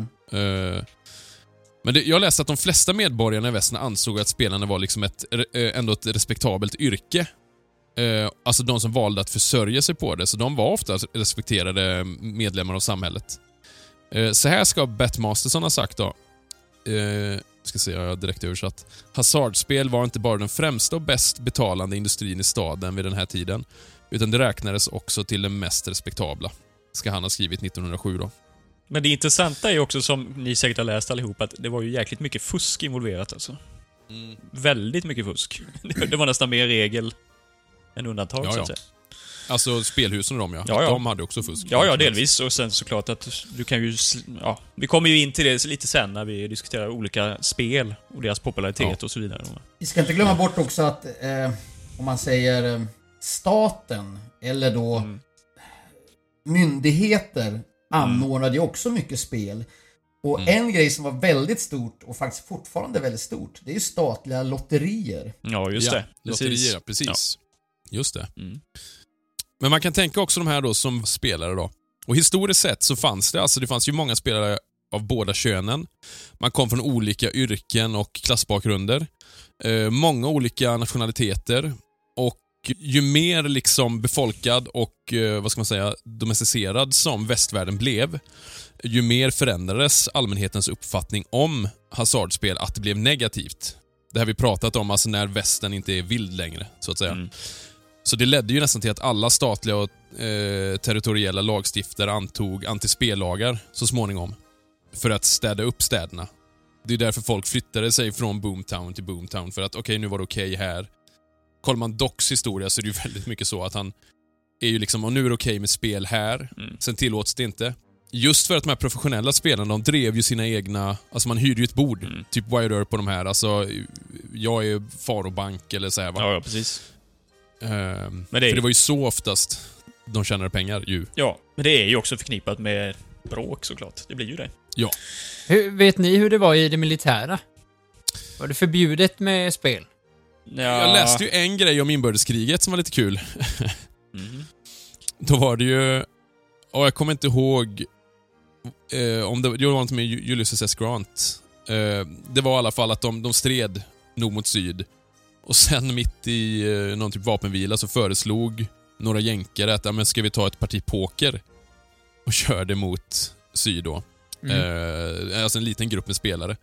Och syd spöade ju skiten ur eh, nord. Och så kom typ eh, Ulysses och skulle hämta hem sina. Eh, Men jag antar att det var med Så pengar eh, involverade. Ja. ja, jag menar det. För annars är det lite meningslöst att förbjuda det också. Det var väl också så att under själva krigstiden så exploderade ju spelandet, framförallt pokerspelandet. Ja, att precis. Som Pokerfond. soldat så har du ju enormt mycket dödtid. Mm. Och Mm. du behöver spendera med någonting. Så man satt där och drack whisky och liksom spelade Mm. kort. ja. Och då spreds det, alla lärde sig alla olika typer av spel och det spred sig väldigt mycket då.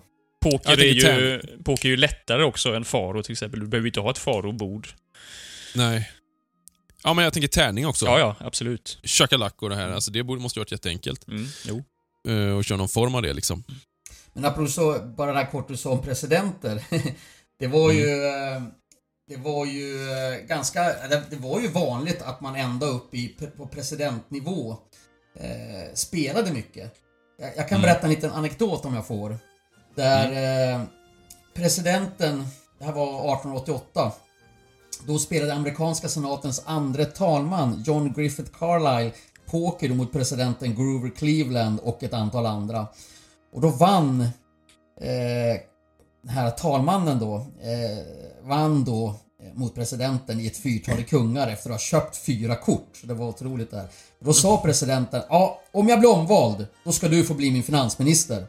Och han blev sedermera omvald och Carlyle blev finansminister. Oj. Och det är många som har sagt det att skicklighet i poker borde ingå i anställningskraven för att bli finansminister.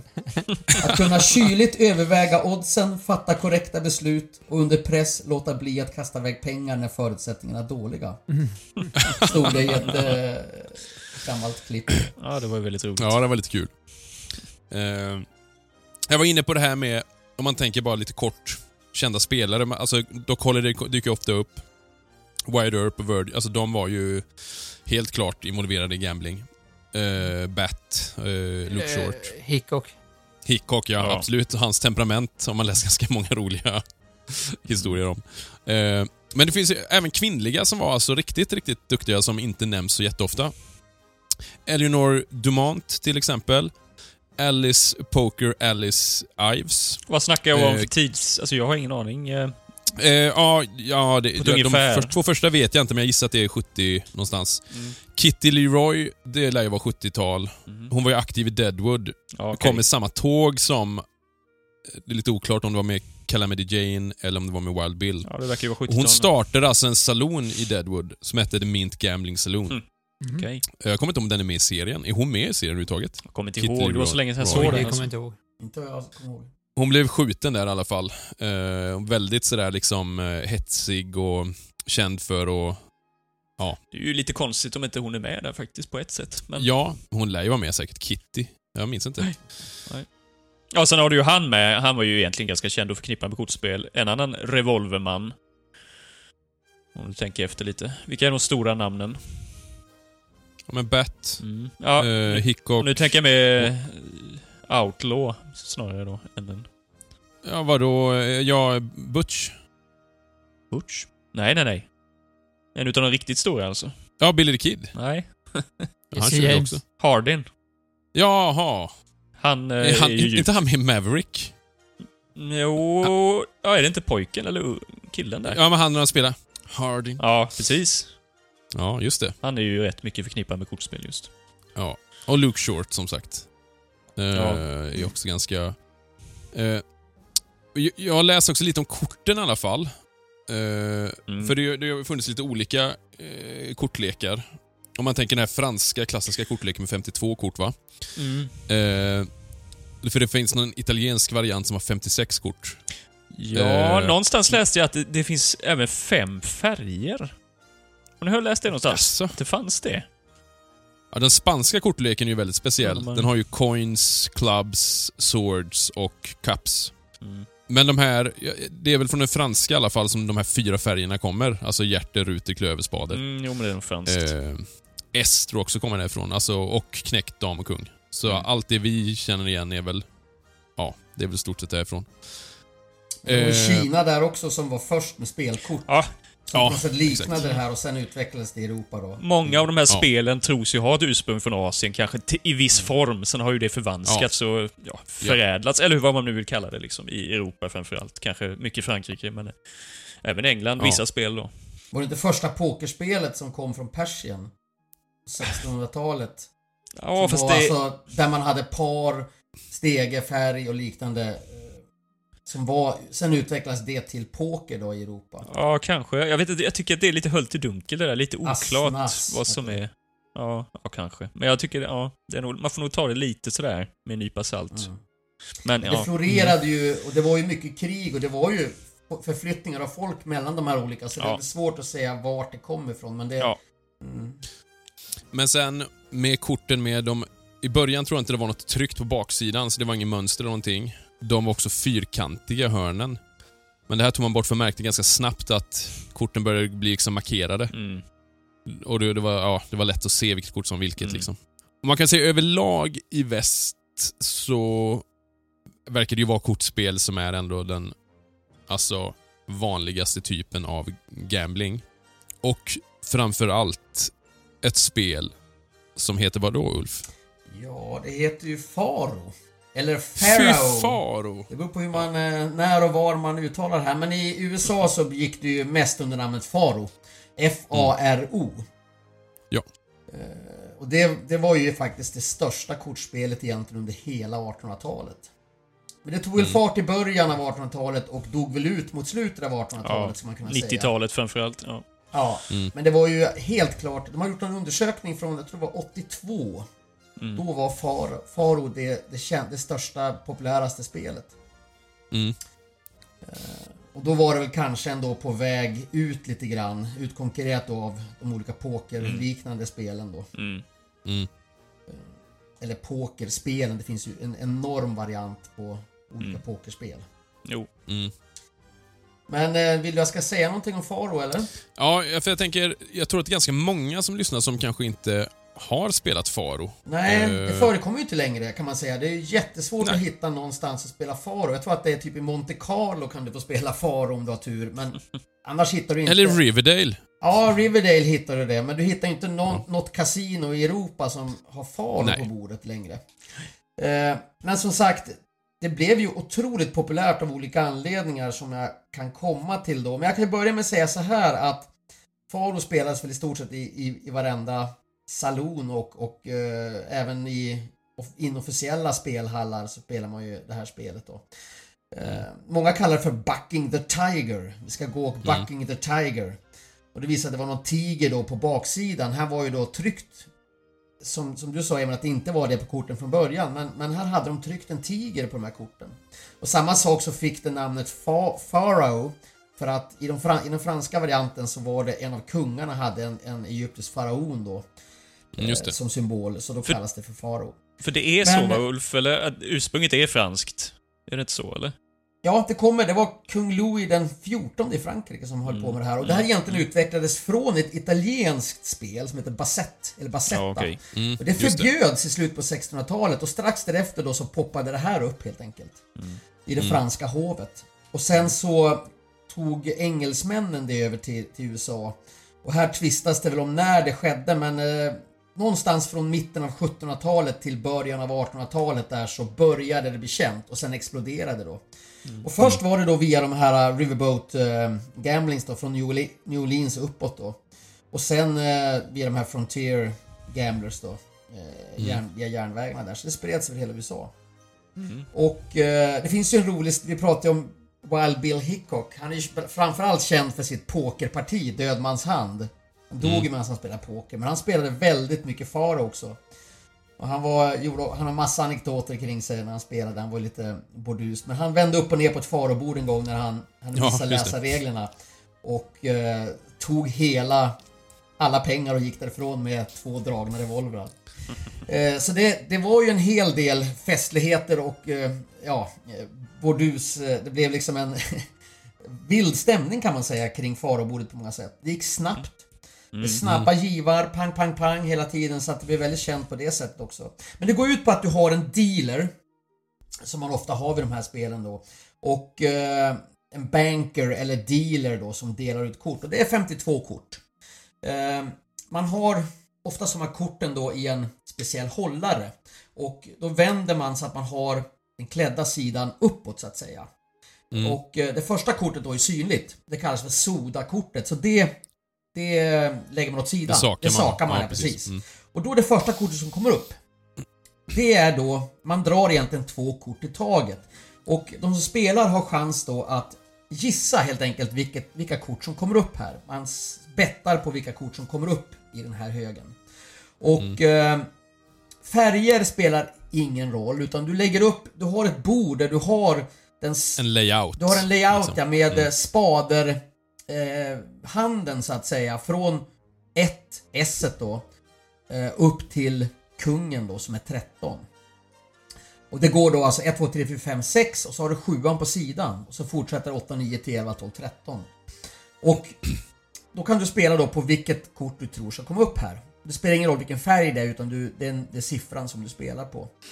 Eh, men då är det så att dealen drar två kort. Först så drar han det första kortet. Och det är då den förlorade, den förloraren, eller the losing card så att säga. Och det kan man också kalla för bankens kort. Det är där de eh, ja, tjänar pengar då kan man säga delvis. Det är då alltså om du, eh, om du satsar på ett kort som kommer upp först. Då är det på losing card. Då förlorar du dina pengar helt och hållet.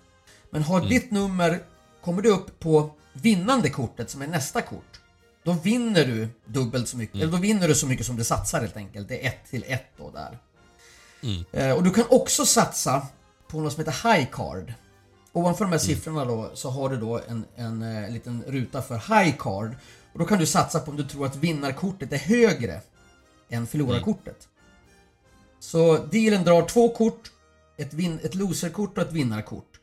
Och har du satsat, om siffran på loserkortet kommer upp på ditt kort och förlorar pengarna. Om vinnarkort kommer upp på din, din siffra, då får du lika mycket tillbaka som du satsade. Eh, har du satsat på high card och vinnarkortet är högre i valör än loserkortet, då vinner du också 1 till 1. Mm. Sen kan man också betta med en liten eh, coppercoin, eller Ja, koppar... coppering the bet. Precis, ja, precis. coppering the bet. Om du satsar på motsatsen, varför man nu ska vilja göra det, men det, det finns det är för att skapa ytterligare ett sätt att göra då va. Men då kan du helt enkelt reversa, omvända det här. Så om du satsar på ett kort som visar sig bli loserkortet, då vinner du istället om du har kopprat den så att säga, lagt en kopparslant på den där då. Och eh, så håller man på så här då helt enkelt. Det sitter också, förutom dealen så är det en annan som arbetar vid bordet och han kallas för eh, Casekeeper, Case nej. Keeper, ja precis. Och han har ett litet, eh, ru, vad heter det, eh, kul, kulram helt enkelt. Med fyra kulor då på varje valör helt enkelt från S upp till kungen. Så när det har gått ett kort, vare sig det är Soda-kortet eller Loser-kortet eller Vinnarkortet så för man då en boll från den här valören så man ser att nu har det här kortet gått. Så alla håller koll då på den här casekeeperns eh, förehavanden. Vilka kort är det som går? Vilka är kvar? För när du ska satsa så ringer det dig att satsa på det som har dåliga odds och det som har redan har gått helt enkelt. Ja, där också en grej. Ja. För där, när vi har spelat det, Mm. eh, där har jag läst olika nämligen. Ibland står det att om du till exempel satsar då på en kung och alla fyra kungarna har gått. Då, när vi körde Ja. River till exempel, då tar ju banken dem. Ja. Men jag har läst att vem som helst fick ta de pengarna. Det fanns ju en del lokala regler också. Det dök ju upp Ja. en del, det kan säkert vara olika lokala regler. Eh, men jag har inte hittat någon officiell regel kring just det här. Nej. Jag läste och letade efter det här men jag hittade inte det. Så jag antar att det här kan vara saker som har dykt upp då, Lokalt. lokalt helt Ja. enkelt. Eh, Sen kan du väl betta också mellan, om du lägger till exempel, ja, vi säger att du har S2, eh, vad blir det då? 8, 7 eller någonting. Du kan lägga eh, pengar mellan där, då satsar du på alla de fyra korten, eller hur? man kan väl säga att själva upplägget här påminner lite om roulette.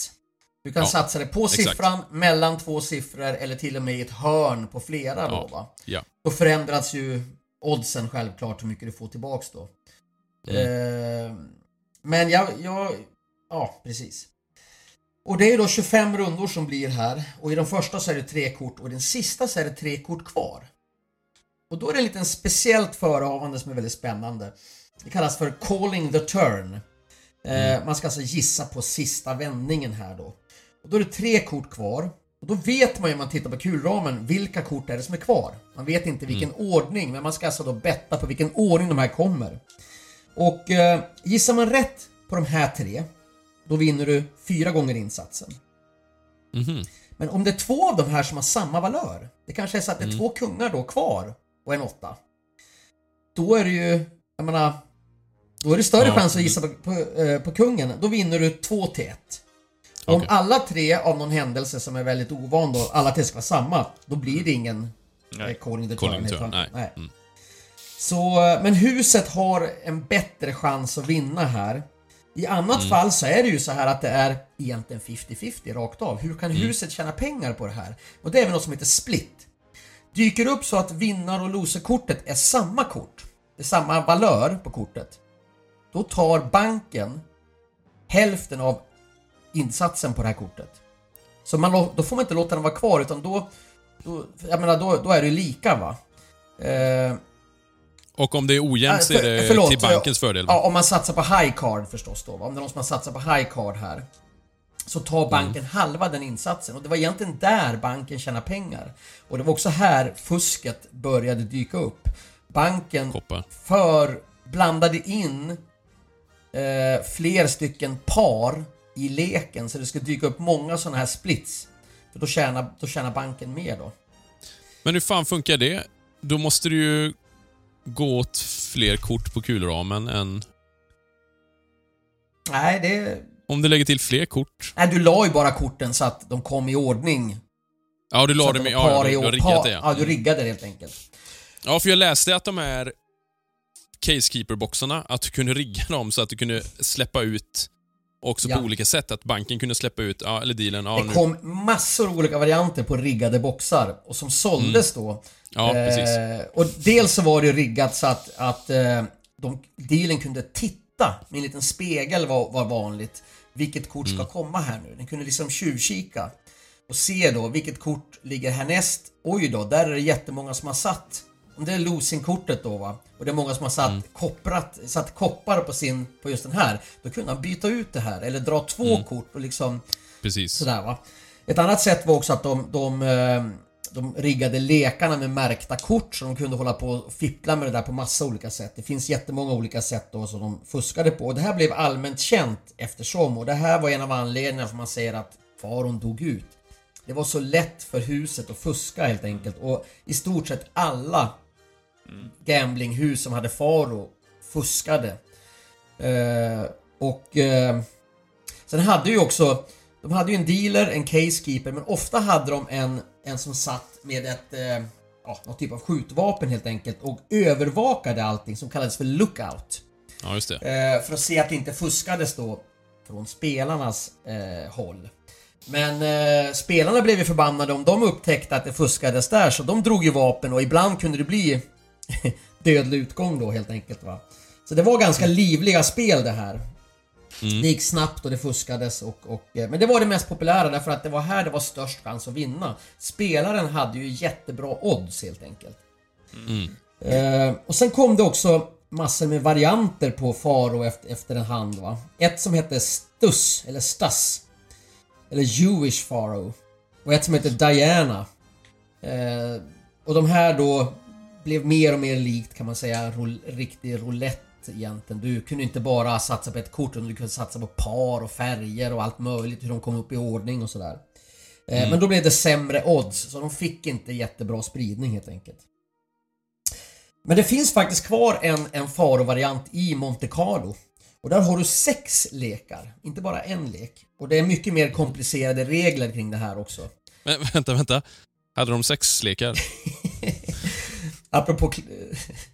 Ja, Förlåt, förlåt. klädpoker förekom, annars vet jag inte hur mycket sex det var i, i kortspelandet men... Eh, sen finns det ju en stad på den amerikanska kontinenten som heter Faro.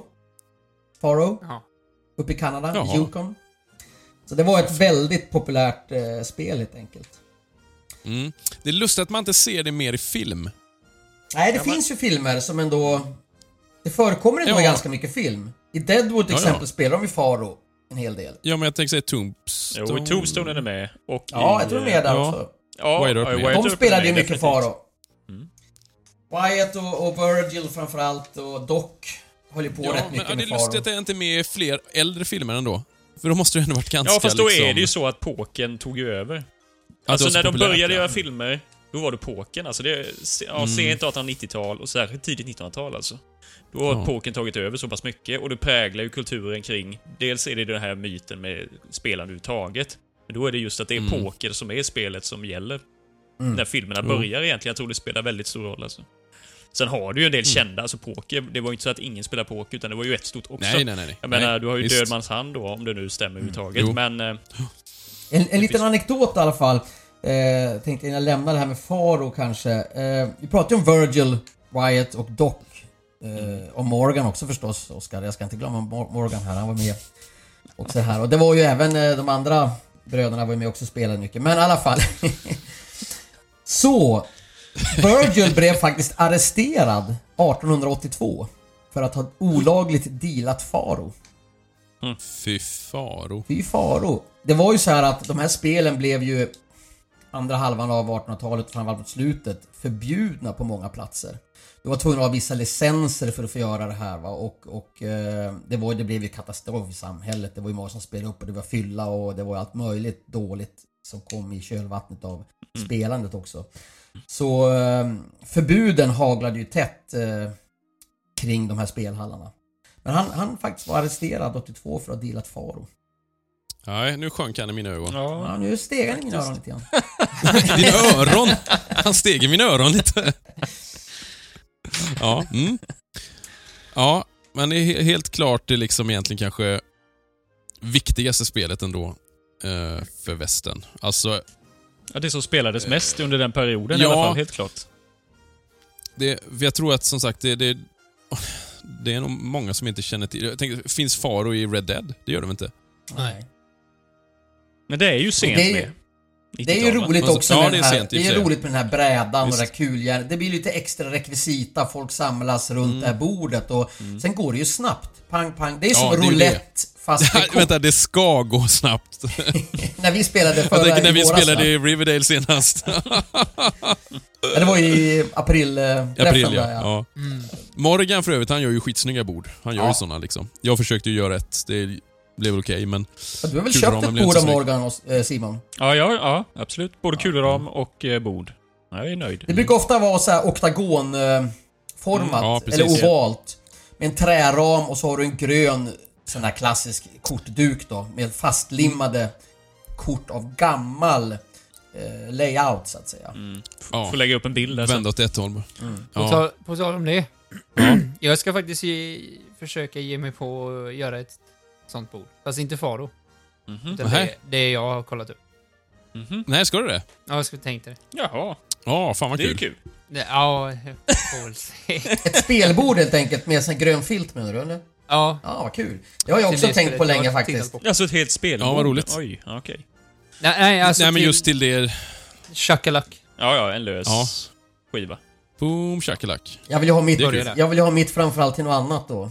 Nämligen Älskog. Älskogen. Nej men brädspel. Jo, då kan vi börja kalla oss för eh, Knights of the Green Cloth, som eh, spelarna kallades. Mm. Eh, ja, vad kul!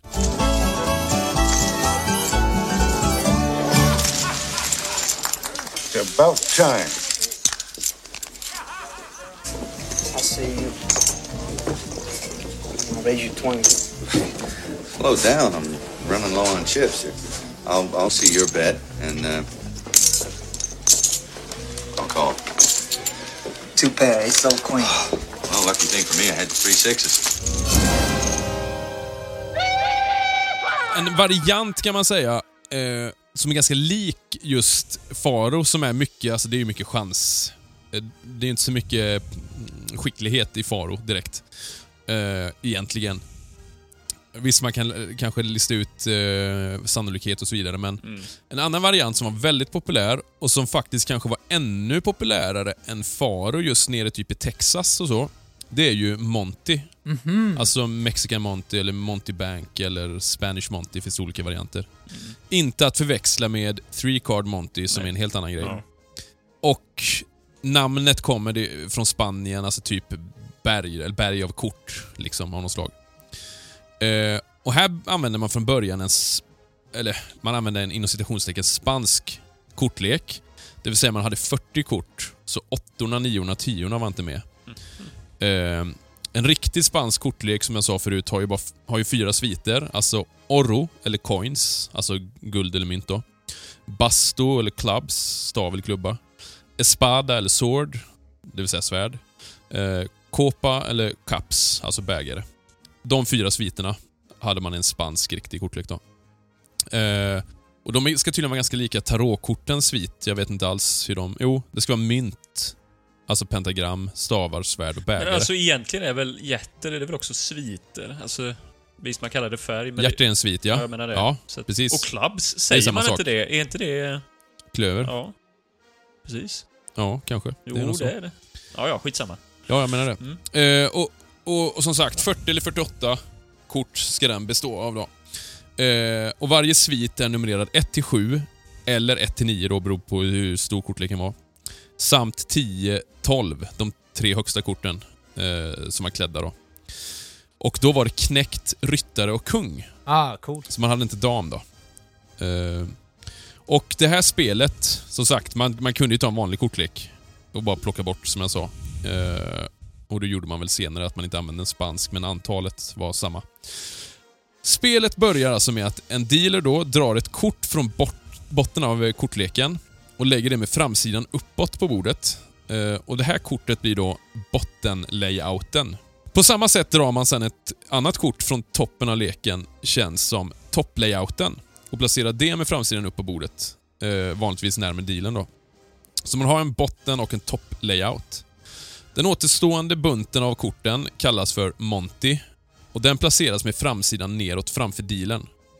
Ibland använder man sån här Monty-låda, typ den Casekeepern då som man hade till Faro. Och spelarna, de kallades ibland för Punters, det gjorde de väl Fara också. i eh, Faro med va? Tippare typ då, blir väl eh, översatt. Placerar då satsningar på den layouten man väljer. Alltså till exempel då eh, topp, om vi säger att det är en... Eh, jag tror det är färgen. Alltså typ om det är hjärter då, uppe, eller om det är spade nere. Så satsar jag på hjärter till exempel. Eller satsar man på båda. Eh, då börjar jag med, med att spelarna till höger om banken och fortsätter medur så man får satsa. Och Varje spelare har en chans att placera då på layouterna. Efter att den sista spelaren har placerat sin insats så vänder bankiren översta Monty-kortet upp. Och Kortet som nu visas kallas för Gate, eller porten. Och bankiren betalar då eh, en till en vilken satsning eh, som helst om det är en matchande färg. Så om eh, Montekortet var hjärter då, om man satsat på hjärter, då får du ett till ett. Om du har satsat på hjärter och spader och så drar man ett klöver, då får ju banken pengarna då. Så det är lite likt Faro på det sättet. Eh, I slutet av handen så är det någonting som kallas för the coup eller kuppen.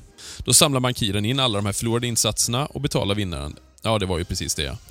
Ehm, och så tar han båda layoutkorten, lägger dem åt sidan för att bilda en eh, slänghög. Och så vänder man Monty-högen neråt igen. Drar eh, porten eller gaten från botten och lägger den på kasseringshögen. Och kortleken blandas inte om då inför nästa kupp. Och så går det här då, banken eller affären som man säger då. Om man inte har en dealer så stannar den hos spelaren i fem kupper eller sex rundor. Då. Eh, och sen går man vidare.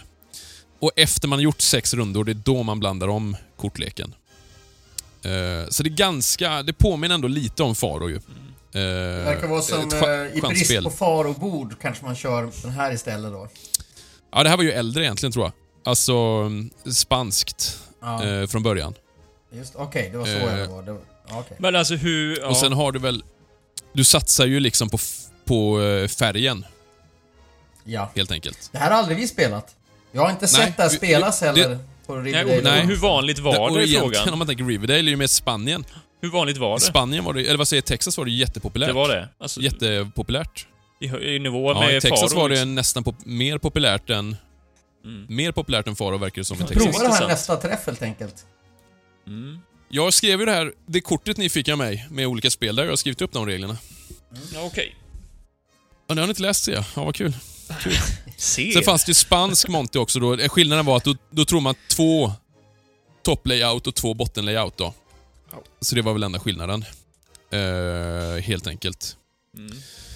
Ja, men... Eh, men både som sagt Monty och... Ja, det, man kan också nämna det här Three Card Monty som man Ja, ofta precis. hört talas om. Det är ju mer såhär lurendrej. Alltså, Mm, ja. Ja, ja. sleight of hand. Var är rätt Eh, kort? Där använder man ju såna här koppar också ibland och Ja. kör. Så Ja, var det vet rätt kort ja. Ja. Precis. Ja, ja, just det. För det är det här som är roligt, alltså du vet, ska du söka efter eh, Spanish Monty och Mexican Monty, försök att hitta det på YouTube, det är fan med omöjligt. Ja, då kommer detta Jag upp har istället, kollat massa obskyra jävla sidor för att... Men jag antar att det, det Ja, som man har läst... Som Men du, den här boken som vi har läst är bra. Ja, och det som du berättade med... Eh, vi kanske ska nämna det i och för sig, just den här boken som, eller jag och Emil har skaffat i alla fall. Det har vi inte nämnt än va? Ja, och Ulf, det du, mycket av det du har läst med Faro ju det, du fick ju också ett Ja, utdrag. Frontier Gambling av eh, J, eh, G.R. Williamson. Ja. Jättebra bok faktiskt. Ja, Det, det enda synd är att det inte det är inte exakta källanvisningar. Du, du har ju i, i, i röven tänkte jag säga, men i slutet på boken så har du ju det har du ju allt han har utgått ifrån, alla böcker. Men det står ju inte var han har nej, det är tagit inga vad. fotnötter så, vilket är en Sen är det vissa nackdel. saker... Bilderna på Sen är dock det vissa och... saker. Det är ett parti om gam gamblers. Ja, för fan. Bilden på Wyatt är någon helt Ja, ja, annan. och Doc med. vem kan det vara på Doc? det är väl inte... Escapule? Jo, det är det. Ja, det är lite märkligt Eh, faktiskt. Det är ganska Ja. intressant där. Det fanns ju...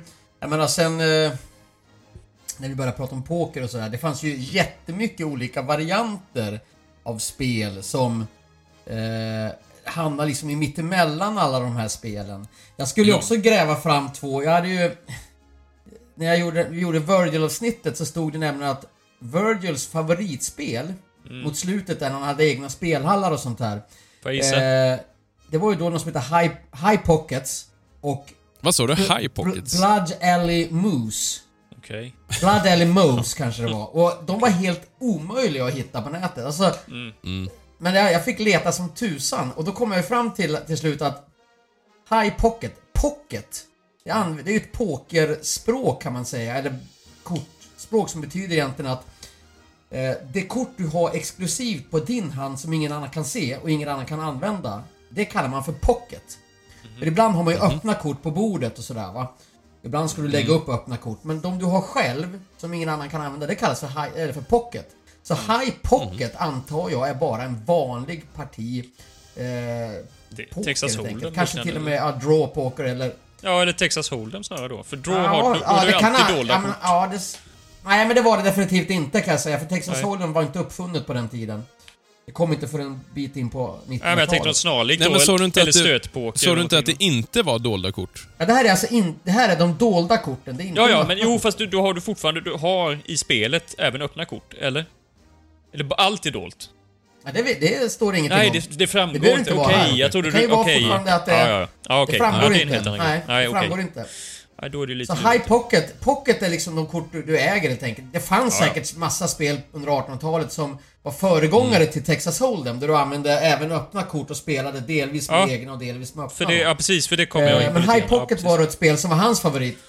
Och High Mm. Pocket måste vara den som var högst på handen då på något sätt. Mm. Eh, sen hade han ett som hette Blood Alley Mo- Moose. Och det var ju helt omöjligt att hitta. Men Moose är ett spel som har förekommit. Det finns olika varianter av Moose, verkar det som då. Två O eller ett. Ett, ett O. M-O-S-E. Och det verkar vara någon typ av Rummy-variant. Eh, det är ju ett väldigt speciellt spel om man spelar Rummy, Rummy ja. och Gin Rummy och sådär. Ja, precis. Man lägger ut kort i olika rader och man, har det, man gör massa saker. Men det var ett spel som Ja. han verkar då eh, föredra. Det har liksom aldrig hört talas om. De finns inte ens kvar egentligen. Nej. Så det fanns säkert massor av spel förutom med spel. Faro, antagligen. Ja, ja. det här, Monte och vanlig poker. ja, du har ju Som Visst inte, till exempel. som inte lever kvar idag. Ja, precis det. Men alltså det de andra vanliga spelen. också, Visst spelar du ju till exempel också. Eh, Ja, jag läste det. Det var också Det är kul. ju en helt annan typ av spel. Men på tal om det Simon då, ska du gå in på den kanske... det mest Som sagt, kända de spelet som man kan... Ja, det, det kanske. har ju blivit så då, på grund av anledningar som vi kanske har redan har nämnt egentligen. Men jag tänkte berätta en liten episod. Lite skojig episod. Eh, om man tänker tillbaka en Ja, kul. mörk natt eh, 1831. på en av de här riverboatarna som vi Mm. snackade om. Så utspelade sig just ett parti poker. Eh, mellan ett gäng. Bland annat en, en ung stackars eh, kille då som... Eh, han spelar, de, de andra killarna gaddade ihop sig och faktiskt spelade ut honom. Han satsar sina sista pengar här nu och han spelar av, de spelar av honom samma 50 000 dollar. Det är ganska mycket 1831. eh, och han eh, blir helt förtvivlad och ska gå ut på däck då och försöker fatta mod för han tänker ju hoppa och dränka sig liksom. Han är ju av med alla sina pengar. Och då, ur mörkret, kommer det fram en herre som, ska, som stoppar honom precis innan han ska hoppa i vattnet. Och sen, ja det här, jag ska hjälpa dig med detta. Jag kan uppfylla tre önskningar till dig. Exakt, exakt! Har du hört den här förut eller? Nej, men det är en klassisk historia. Ja, lite så. variant. Ja, näst, ja. det är lite mytologiskt det här kan man säga.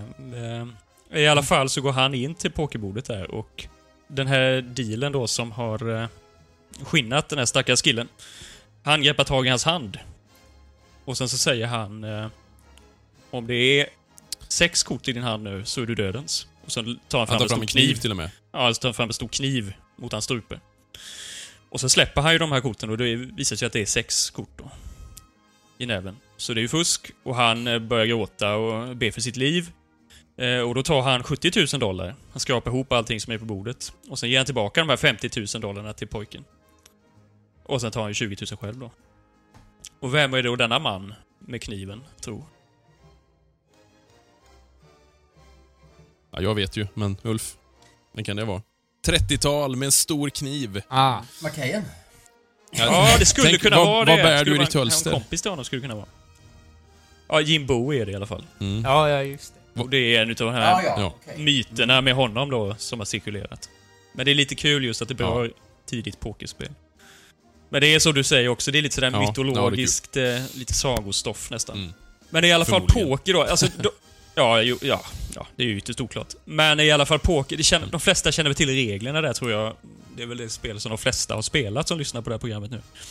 Men kort, man, man kan ju säga att det har i regel alltid varit fem kort på hand. Eh, Mm. och skillnaden här är ju att... Eller skillnaden, men i alla fall så... Eh, vi kan väl säga, ge det valören. Det är ju ett par. Alltså det kan vara par två, tre, fyra och så vidare va. Två par, Mm. triss.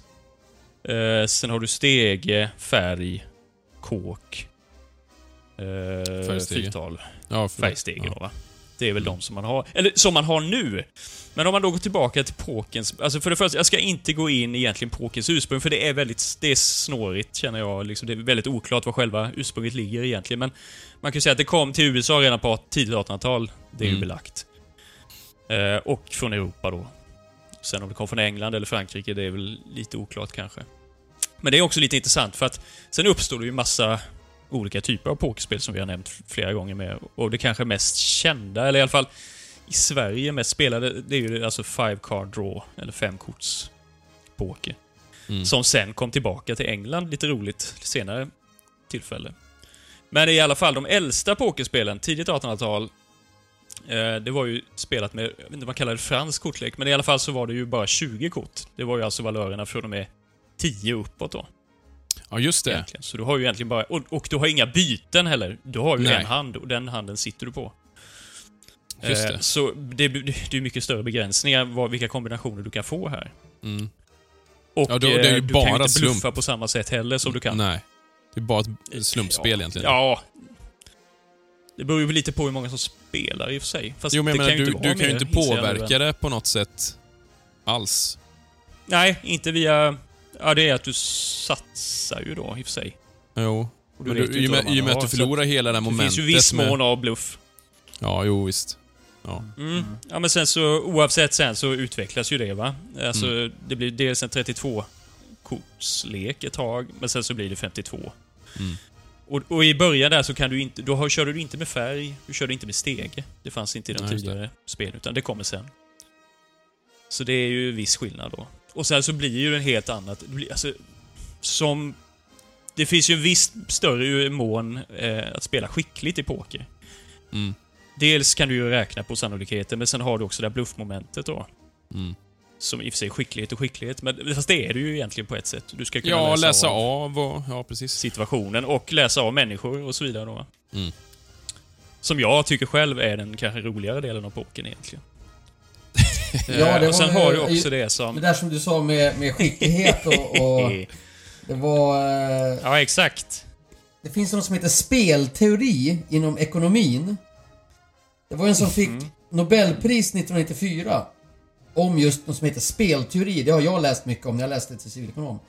Eh, och då, då, då handlar det just om det här med bluffande i poker är en stor del av att ta fram den här spelteorin som sen ligger till grund för jättemycket av hur man fattar beslut inom, eh, inte bara i företag utan även inom statsapparaten. Spelteori är jättestort och det kommer delvis från pokerns eh, logik. Det är ju sjukt egentligen. Mm. Ja, det är ju precis vad du sa innan. Det är rätt intressant alltså. Ja, det är väldigt intressant egentligen. Men du hade ju också olika... Dels så var vi inne på det här med öppna kort och sånt. Alltså, det som jag nästan aldrig riktigt har... Det stötpoker har ni säkert hört talas om. Ja, stad. Och som ja, jag precis. förstår det så är ju stötpoker att du, du kör ju med öppna kort. Delvis då, inte alla. Men om det är två kort då. Men du har nog... Ja, om du har ett byte. Men vadå, lite Nej, lik Texas Hold'em inte menar det. du? Då har du ett... Ja, det är ju föregångare till Texas Ja, alltså ja, precis. Det är ju snarlikt. Ja, precis. Så måste man kunna se det ändå. Mm. Och jag har ju aldrig riktigt uppskattat just det där med öppna kort. Det tycker jag är lite tråkigare, men det är en smaksak. Det är ju väldigt boom i början på 2000-talet. Jag har alltid funderat på stötpoker och så heter det stud poker. Stud och stöt tror man, Mm. jaha, Ja. är det, kommer ordet stöt från stud? Men vart kommer stud ifrån? Det betyder ju någonting helt annat. Jag, jag, jag, Ja, alltså jag har för mig att det har med hästar att göra. Ja, jag kollade faktiskt upp det lite grann och det hette först Stud Mm. Horse Poker. Sen vet jag inte, det finns en anekdot kring det här Just som man ja. tror ska ligga bakom det namnet. Kan du den eller? Har du läst den? Det var en man som... Nej, nej. Han var inne och så satsade han... Han hade då en triss och eh, det här var ju ett vanligt draw poker-spel då. Han hade en triss och han kunde då inte... Det höjdes så mycket så han kunde inte haka på men han ville ju då haka på så han gick ut och hämtade sin häst eh, och ledde in i salonen. Och då råkade han, han gick ut där, råkade han lägga ner sina kort och visa sin triss. Men då blev han så förbannad att, att partiet skulle då liksom på något sätt eh, ogiltigförklaras. Så han sa, han tog fram pistolen ungefär och sa att Mm. Nu får alla lägga ner eh, tre kort på bordet och så drar vi två nya. Och då, då bettar vi utifrån de tre korten vi har och sådär va. På det sättet skulle då stötpoker ha kommit. Eller stud horse poker. Det låter ju Ja, just det. lite kul. Ja. Oj, det var ju intressant. kan ju vara en skröna också men... Eh, Det kan vara det, ja. Men eh, ja, man vet aldrig. Vi väljer att köpa det. Nej, eh, men i alla fall det som förändrade var, det var ju som sagt det här med five Mm. card draw. Eh, och sen, poker i alla fall, det blir mer och mer populärt efter, framförallt efter Mm. inbördeskriget. Sen så ökar det successivt och sen tar det över kanske, åh, säkert 1890-tal Mm. någon gång. Men definitivt till eh, sekelskiftet där. Så har du nog ganska säkert, för det det är ju någon decline i Faro, 1890-tal. Även om det är fortfarande kanske som du sa 1882 eller vad sa du för år? Ulf, det var väl ja, så var det kanske fortfarande Precis. det största. De gjorde även någon om poker säkert var som det heter. De väldigt stort kollade det där. Men... Eh, mm. Men jag hörde att, jag läste att pokern uppfanns 1820 i New Orleans i USA. Nej, Ja, men, men det spreds jag alltså... konstaterar att det uppfanns där, från men New att just Orleans själva också. ordet poker, alltså att det var... Det kommer ju från andra Ja, spel som vi nämnde tidigare och har en ganska långt tillbaka, men just pokern så som den ser ut idag, man säger så, Five Draw Poker, det uppfanns 1820 i New Orleans. A five card draw, ja, det är så tidigt alltså. Ja, alltså eller det kanske var straight Nej, men det- poker bara, jag vet inte vilken poker det var, men pokern... det är nog det här med 20 kort va? Ja, Alltså utan, det- ja, utan byte liksom. Det är möjligt men, att det eh, var så, men det hette poker i alla fall. Begreppet poker, Mm, jo. det uppfanns i, i New Orleans då. Ja, det kan var ju- absolut vara så att spelet... Ja, så kan det mycket väl vara. Det kan det mycket väl vara. Men det roliga var där igen då att Five Card Draw, som i alla fall... Det är ju, som jag förstår det, i alla fall en amerikansk spelstil som uppstår i USA oavsett när det gör det då. Ja. Och det var någonting som sen spred sig tillbaka till Europa. Framförallt i England då, via hovet faktiskt. 1878 tror jag. Specifikt år. När det var någon... Ja, just Jag det. tyvärr glömt Det läste jag, det var jävligt som kul. Var, du kanske läste det? Ja, Ja. som Och så ville de ju att han skulle skriva ner reglerna då. För han skulle ju försvinna därifrån då, så att de kunde fortsätta spela användas det här. privat efteråt. på hovet ja. Och det blev ju jätte... Ja, ja, precis. Och det var ju Det var ju det. jättepopulärt alltså. Det här blev ju väldigt populärt. Ja, visst. Det finns ju massa varianter också av eh, draw poker, eller mörkpoker heter det på engelska av någon konst, eller på svenska av någon konstig anledning men man drar mörka kort helt enkelt då. Ja, Det finns ju massa olika varianter på det här. det, det roliga med det du sa Simon där är ju... Ja, vad tänkte du? Jo, men han som, eh, han som skrev ner... eh, Han blev ju liksom... Det, det var ju bara att det skulle vara privat för hovet. Så han skrev ner i stora drag reglerna väl. Och sen blev ju det allmänt... Alltså de gick ju ut och det blev en stor grej just de reglerna. Att det här är hus... Alltså så här spelar man poker. Och då tyckte ju han, om jag förstod det rätt, att han, han ville göra någon... Eh, det var ju någon som ville göra några andra regler som var mycket mer komplicerade, men det blev aldrig populärt. Ja, så var det kanske. Ja. Ja. Men i alla fall en annan viktig grej då, eh, som vi inte har nämnt, är ju det här jackpot-poker som infördes med. Och det är väl för att, egentligen för att stävja lite... Alltså det är det här... Ja, bluffandet egentligen. Får du ju bukt Mm. med på ett annat sätt. För det är ju att då måste du, för att gå med, alltså för att kunna gå vidare till nästa höjd, eller ja, för att då, alltså ta ett nytt kort, Mm. så behöver du ha par i knäckt eller höger. Ja, Det är ju inte det. alltid man får det, om man säger så. Det är ju ändå en Mm. hyfsat... Ja. Det är ändå en hyfsad hand ändå. Vi får fick ju upp insatsen på det alltid sättet. man har det. Ja. Jackpot kallades Ja. väl det va? Precis. Det Jackpot. kan ju bli ganska hög insats eh, efter ett tag om man, Mm. man kör det va. Mm. Ja, absolut. En, en, en annan fråga som jag tycker är intressant. Mm. Man läste. Vi, när vi kör så kör man ju oftast eh, här, den här vanliga pokern då med, med byte då va. Ett byte. Men från början läste jag att man Ja. bara fick byta tre kort. Upp till tre kort. Ja, ja. Exakt. Eh, och det Det är ju ingenting med. som egentligen Ja, körs det- idag. Utan nu är det ju självklart fem kort man får byta men... Nej, fast det har varit någon sån restriktion med att man inte får byta fem kort har jag ju kört innan. Eller att det är lite speciellt. Sen kanske att det, inte, att det är förbjudet, det vet jag inte. Men det har varit så här konstigt att okej, du får du fyra kort nu och så får de andra kort, så får du det sista sen. Jag vet inte, det är en Ja, konstig det finns säkert jättemycket kanske. varianter på det här och då heter det säkert någonting Ja, annat. Jo, Mhm, draw poker eller något sånt där säkert. Det finns jättemycket. Ja, men jag tror det. Du har rätt Ulf, det med tre. Det där jag läst på flera ställen. Jag tror att det var ett av de vanliga. Alltså, det var nog nästan normen tror jag Typ, i får inte köpa mer än tre. Ja, exakt. Det började så i alla fall och sen tror jag att det kanske utvecklades sen med fem kort och så blev det kanske det Ja. vanliga kanske senare då men... eh, Sen är det ju det här med... Mm. Det, det här är den vanliga frågan man får när man sätter sig och spelar poker. Hur många byten får man ha? Men på den här tiden, och fortfarande är det ju ett Ja. byte. Ja. Och inga öppna liksom kort och sådär va, ett öppet och sådär. Nej, det det är ju senare Ja, det är regler ju som har kommit. Ett Ja, öppet. Det är barnregler det. Precis. Ja. Ja, herregud ja. Det är fjantigt det. Det är fjolligt. ja.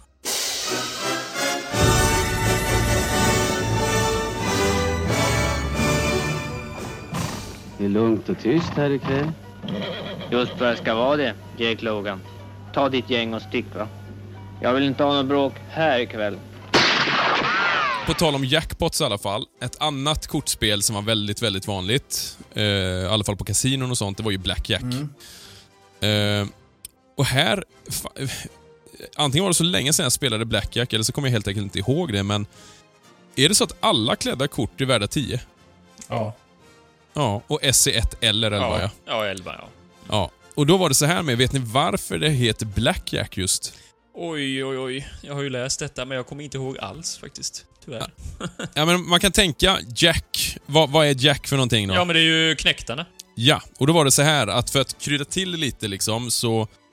Eh, och att man ville att folk skulle fortsätta ta kort.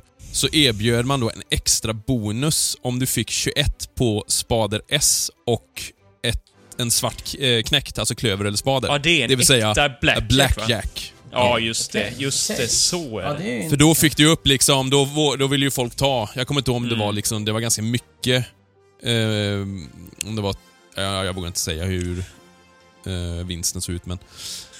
Nej. ehm, Varför har det försvunnit? Det har jag aldrig sett.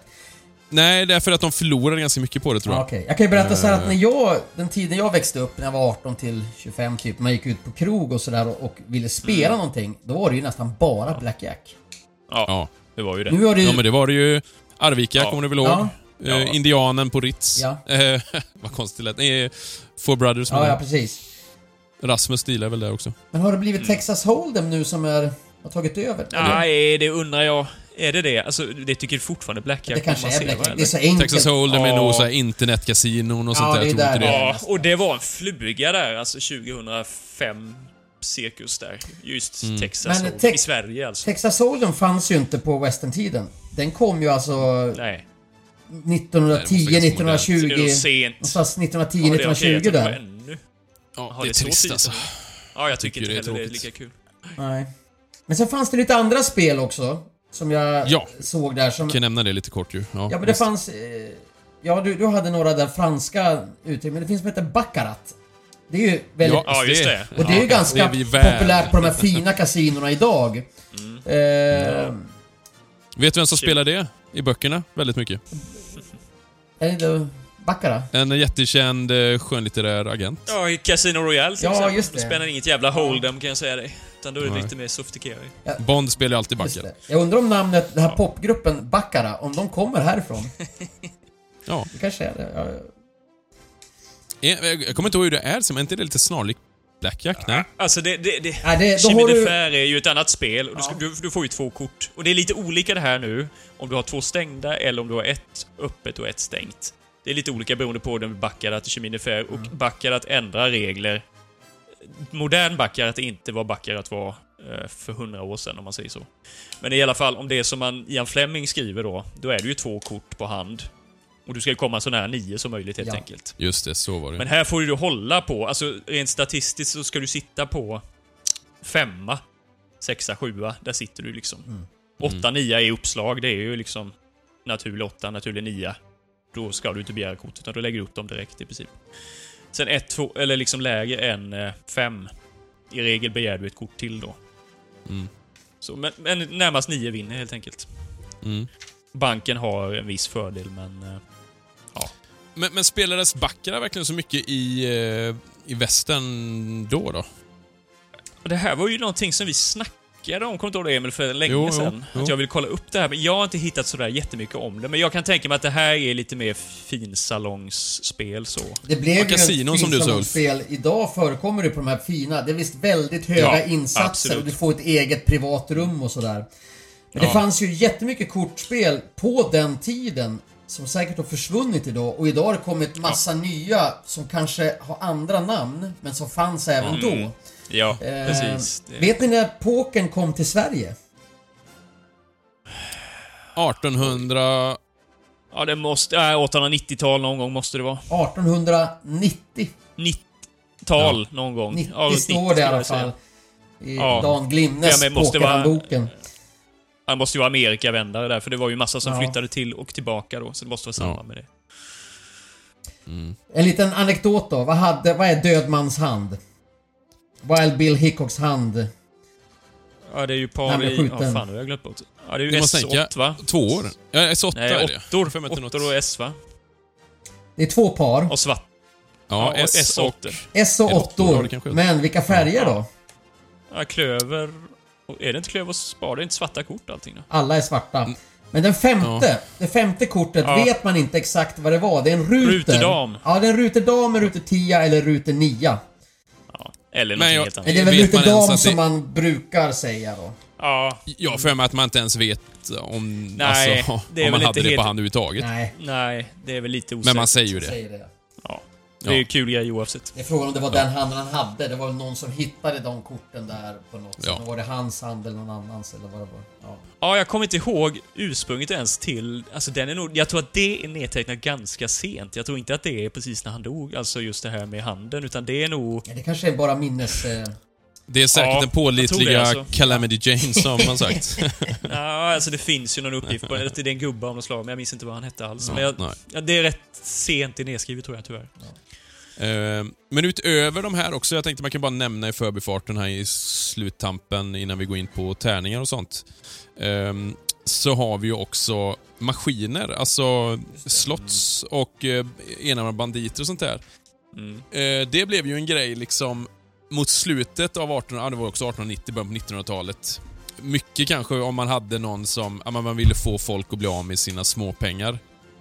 Liksom att, ja men slår upp den här slotten och får eh, en viss eh, valör eller vad det kan vara. Då kan du få en cigarr eller du kan få det i ett glas eller vad det kan vara. Eh, men det där blev en grej som folk tyckte var häftigt så det drog ju in folk till salonerna.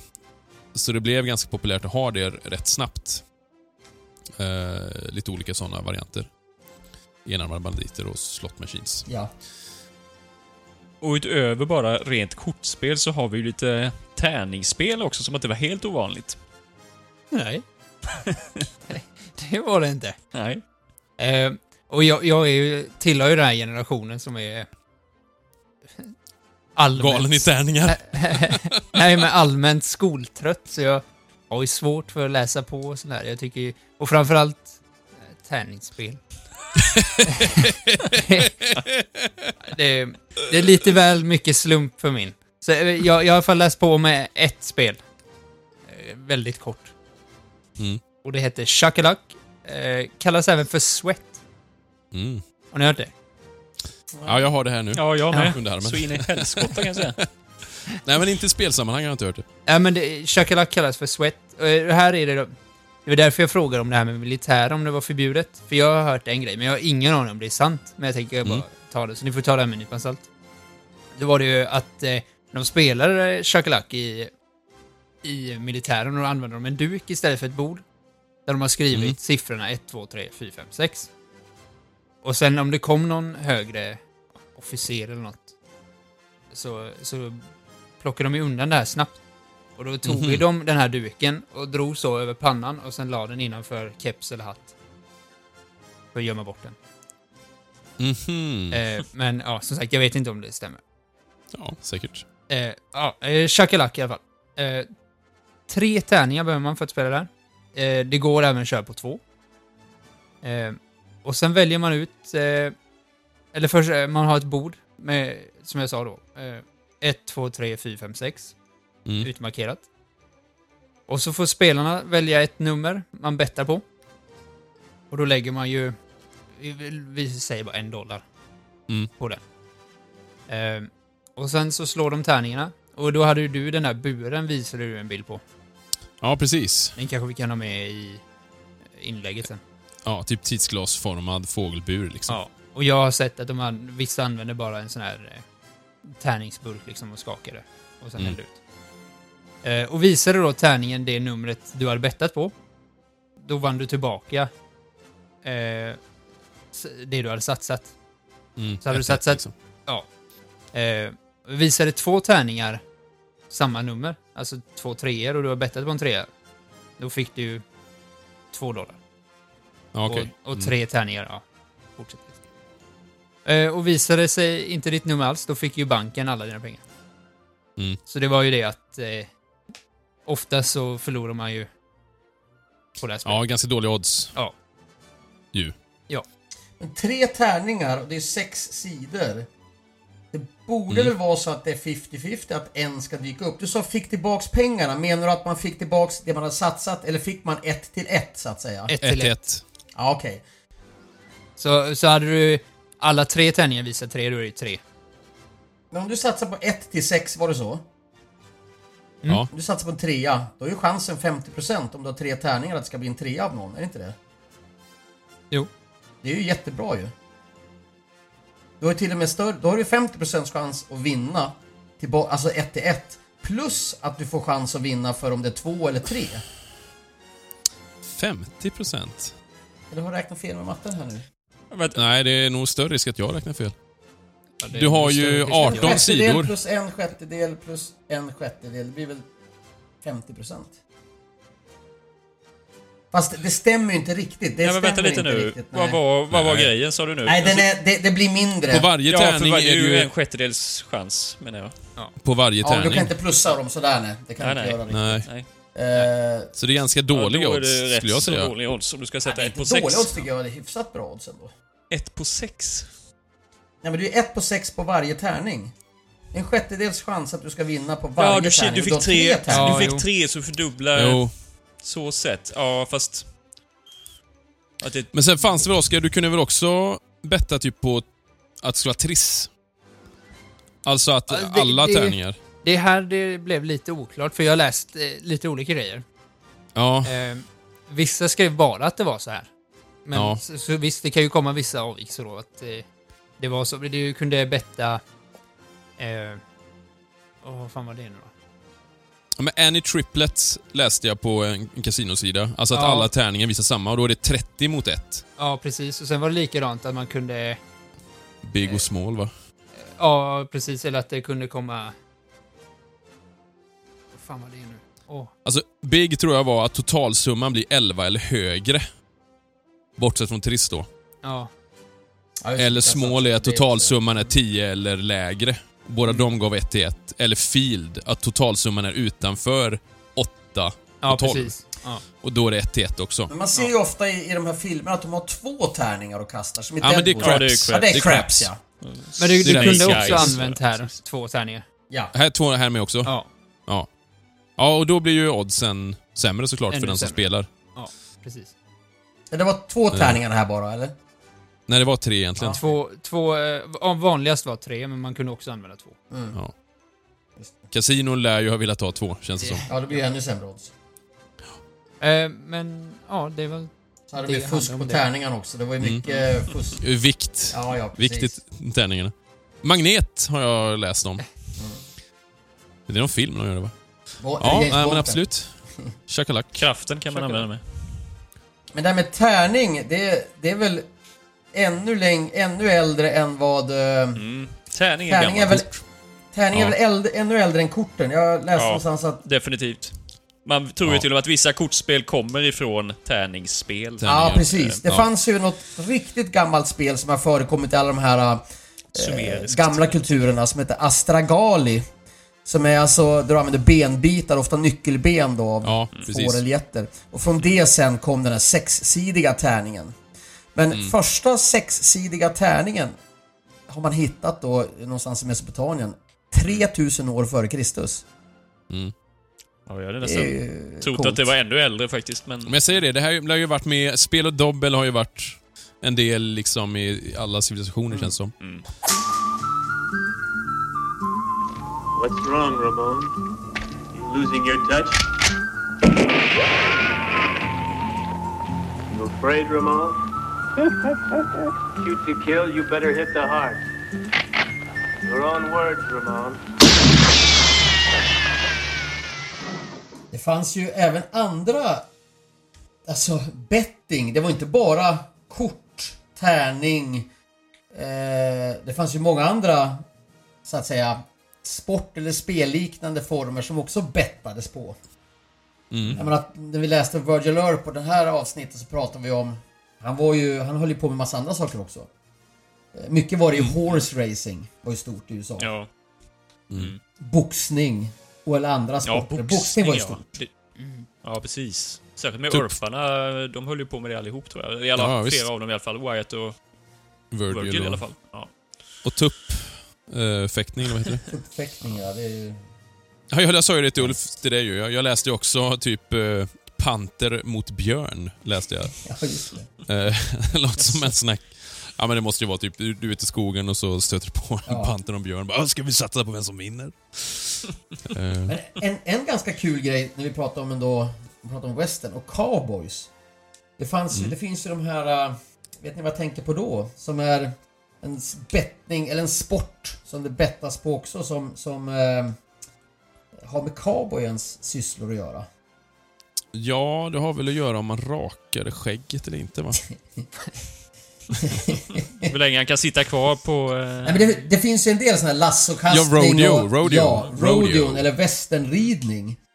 Mm. Såklart. Det finns tre varianter. I, i, ro, I rodeo eller rodeo och western finns det tre olika sporter kan man säga. Det finns jättemånga men det är tre som är ganska stora. Och de utvecklas då utifrån cowboyens sysslor egentligen. Är det någon som vet vilka det är? Ja, eh, roping lär ju Ja. vara någon. Infångandet av Eh. kalvar med lasso. En. Mm. Ja, just det. Och sen vanlig, alltså sitta och hålla sig fast. På vad då? Eh, på tjur. Ja, tjurridning är en. Och det handlar ju också ibland... Eller eh, det ung, borde ju vara eh, när man... eller eh, något sånt. Ja, precis. När man rider in hästarna. Inridning av unga hästar, ja precis. Ja, Tjurridning, ja, precis. inridning av unga hästar och eh, infångat av kalvar med lasso. var Fan, de det tre var ju stora. tre av tre. Det var bra var jobbat Emil. jobbat. Tack, tack. Ehm, och... Eh, men så finns det andra sådana här westernliknande grejer som vi har pratat om att vi kanske ska göra någon gång. Kanske blir någon Lassokastning. Patreon-grej. Lassokastning, ja. En sak Mm. som vi gör på Riverdale ibland. Hästskokastning. Ja, just det. Och för att inte tala om en stor grej. Prickskytte. Ja, med prickskytte. Ja. Ja, precis. Ekar det här? va? Men vi borde ju, ja egentligen, vi, alltså det här med rode, de där tre grejerna borde vi, det borde vi göra som Patreon, borde alltså på varandra. På varandra. Alltså, rida in, rida in Ulf! Är inte han redan inriden då? Jo, jag tror han är rätt inriden. Emil, eh, Men jag tror eh, att... Eh, ungtjur, det är ju Oscar då, unghästen. Eller hur? Eller vad säger du Oscar? Jag gillar det. men Oskar, du har väl lovat nu också att du ska spara din mustasch, eller hur? Ja. paj, pajätning, korvätning var också stort eh, på Riverdale. Ja, just det. Ja. Nej men, eh, och vad var det mer? Ehm, Jo men horse racing pratar vi om. Eh, Ja. Jag kollade upp lite. Har någon som är som kan någonting om horse racing? Jag vart faktiskt Oj. på ett sånt här nere i, Marginellt. i Holland en gång. Där är det ganska stort fortfarande. Jaha, okej. Det finns ju även i Sverige men eh, nere i Europa så är det ganska stort med horse racing fortfarande. Det är ju en jockey. Som, Mm. Ja, det är ju just det. tä- alltså hästridning med jockeys då, som tävlar helt enkelt. Och där finns det Mm. också en del olika varianter. Eh, något som heter flat racing. Då kör man runt, runt på en bana va. Och så finns det då Mm. jump racing. Då har du med hopp helt enkelt. Endurance racing. Då är det lång, långlopp. Har, Harness racing. Då har du med en sulky. Och det är det som egentligen är trav då. Det har blivit trav Ja, i Sverige. det. Det är Ja, störst här i Sverige kan man säga. Och en ganska kul som heter Quarter Horse Races. Det kan man nästan se framför sig. Då är det två hästar som tävlar längs en gata i ett kvarter på en gata. Ungefär 400 meter. Två mot två. Jaha, alltså in, inte kvartshäst, alltså, utan du menar kvarter? Ja, det, det kanske är kvartshäst, men det heter quarter horse och det är 400 meter längs en gata. Jag tänkte att det var quarter, att det var ett kvarter, men det kanske är quarter horse med kortare, eller? Ja, nej men alltså kvarts... Ja, för det är ju, det är, det är ju någon form av standardhäst. Okej. Det, det framkommer ju ofta. Okej, ja, det här är. Eh, fast frågan är om det är kort... Ja, det är frågan. För jag läste också just att det är en, en kort sträcka liksom. Ja. Eh, Det, är ju, det var jättestort i USA med horse racing. Det, var, det har även varit i Europa. Det kom ju från Europa, från England från början, in till USA sen då. Mm. Eh, Men det och I togs, Dodge har jag läst om det till det exempel. togs till Amerika redan 1665 från England. Så det har funnits väldigt länge. Oj. Eh, Och när man bettar på horse racing så det brukar vara lite olika på olika ställen men 17% ungefär av allt bettande går till arrangörerna som en avgift. 83% Ja. delas av spelarna. Mm. Det, är, det, är, det är mycket kring det i... Den är ju visserligen skönlitterär, men eh, den här dockboken av eh, Mary Doria Russell som jag har läst. Då, är, då är det ju, kretsar det ganska mycket kring det. Att Wyatt har köpt en, eller Mm. en av hans hästar då, som heter Dick någonting. Eh, och så rider Doc den åt honom på just en sån eh, eh, gatulopp, liksom 400 meter var det. Ja, okej. Så det är lite kul. Mm. Ja, där ser man ju Wyatt så har ju boxningsbettingen också Mm. väldigt stor. Precis. Virgil var ju både boxningsarrangör och drev liksom bettinggrejer då. Så han Mm. arrangerade matcherna och höll i bettingen. Så han tjänade ju rätt bra pengar på det. Mm. Men han var väl domare med i början? Ja, domare var han också. Både Wyatt för och det- det var ju- eh, Virgil var ju ja. För Han är ju känd, Wyatt är ju känd på grund Mm. av två händelser framförallt. Alltså, från Ja, sin samtid var han ju känd. Ja, och det sista är det 1890-tal, det är ju en känd match där han bedöms kanske ha riggat detta då. Eller felaktigt Ja. domslut helt enkelt. Ja, precis. Det var kanske det han var nästan var mest känd för på slutet. Där. Under sin livstid, ja. Ja, ja, ja precis. Jo. Var det ju, precis. Det, Det är sjukt egentligen. Jo. Jag kommer inte ihåg vilket var det mellan. Du, Det är ju därför han kanske strävade mycket för att uh, rentvå sitt namn på något Ja, sätt. Liksom. Exakt. Ja, det, ja, precis. Ja, Men det är kanske inte så konstigt ändå att gambling har blivit så himla stort i just USA. Man tänker, vad är det som driver gambling?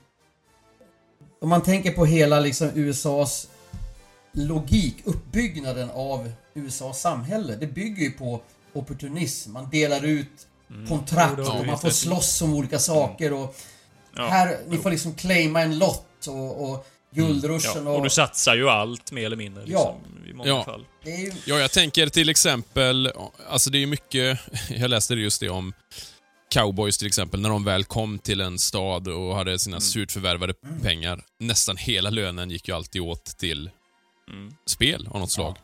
Mm. Eh, och likadant de här flodbåtarna då. Alltså när du skulle ta, det var ju en lång resa liksom om du, om det var, om det var handelsman eller liknande och skulle ta dig upp för Mississippi. Mm.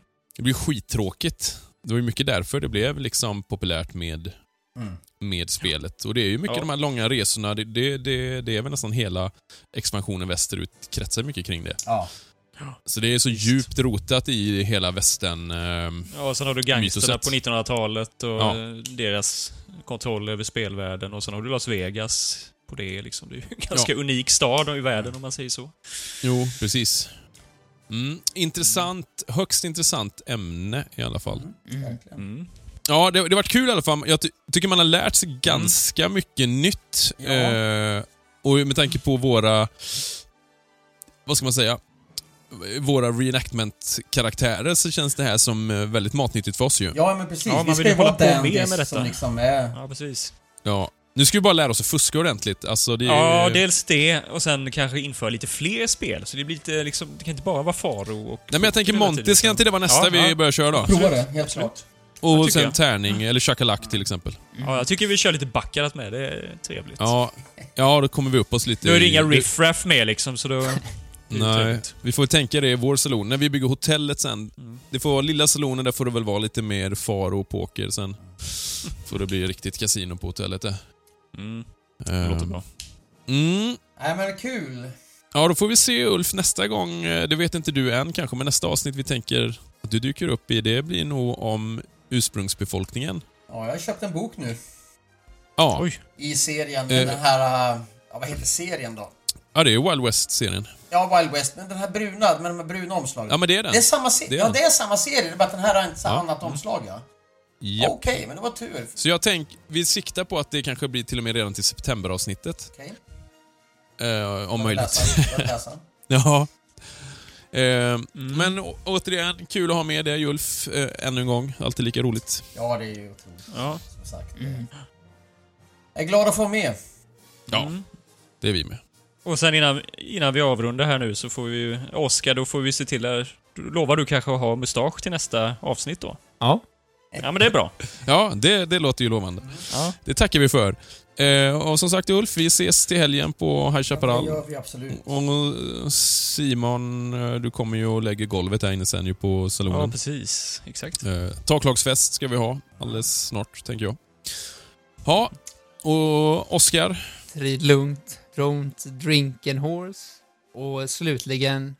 Yeehaw!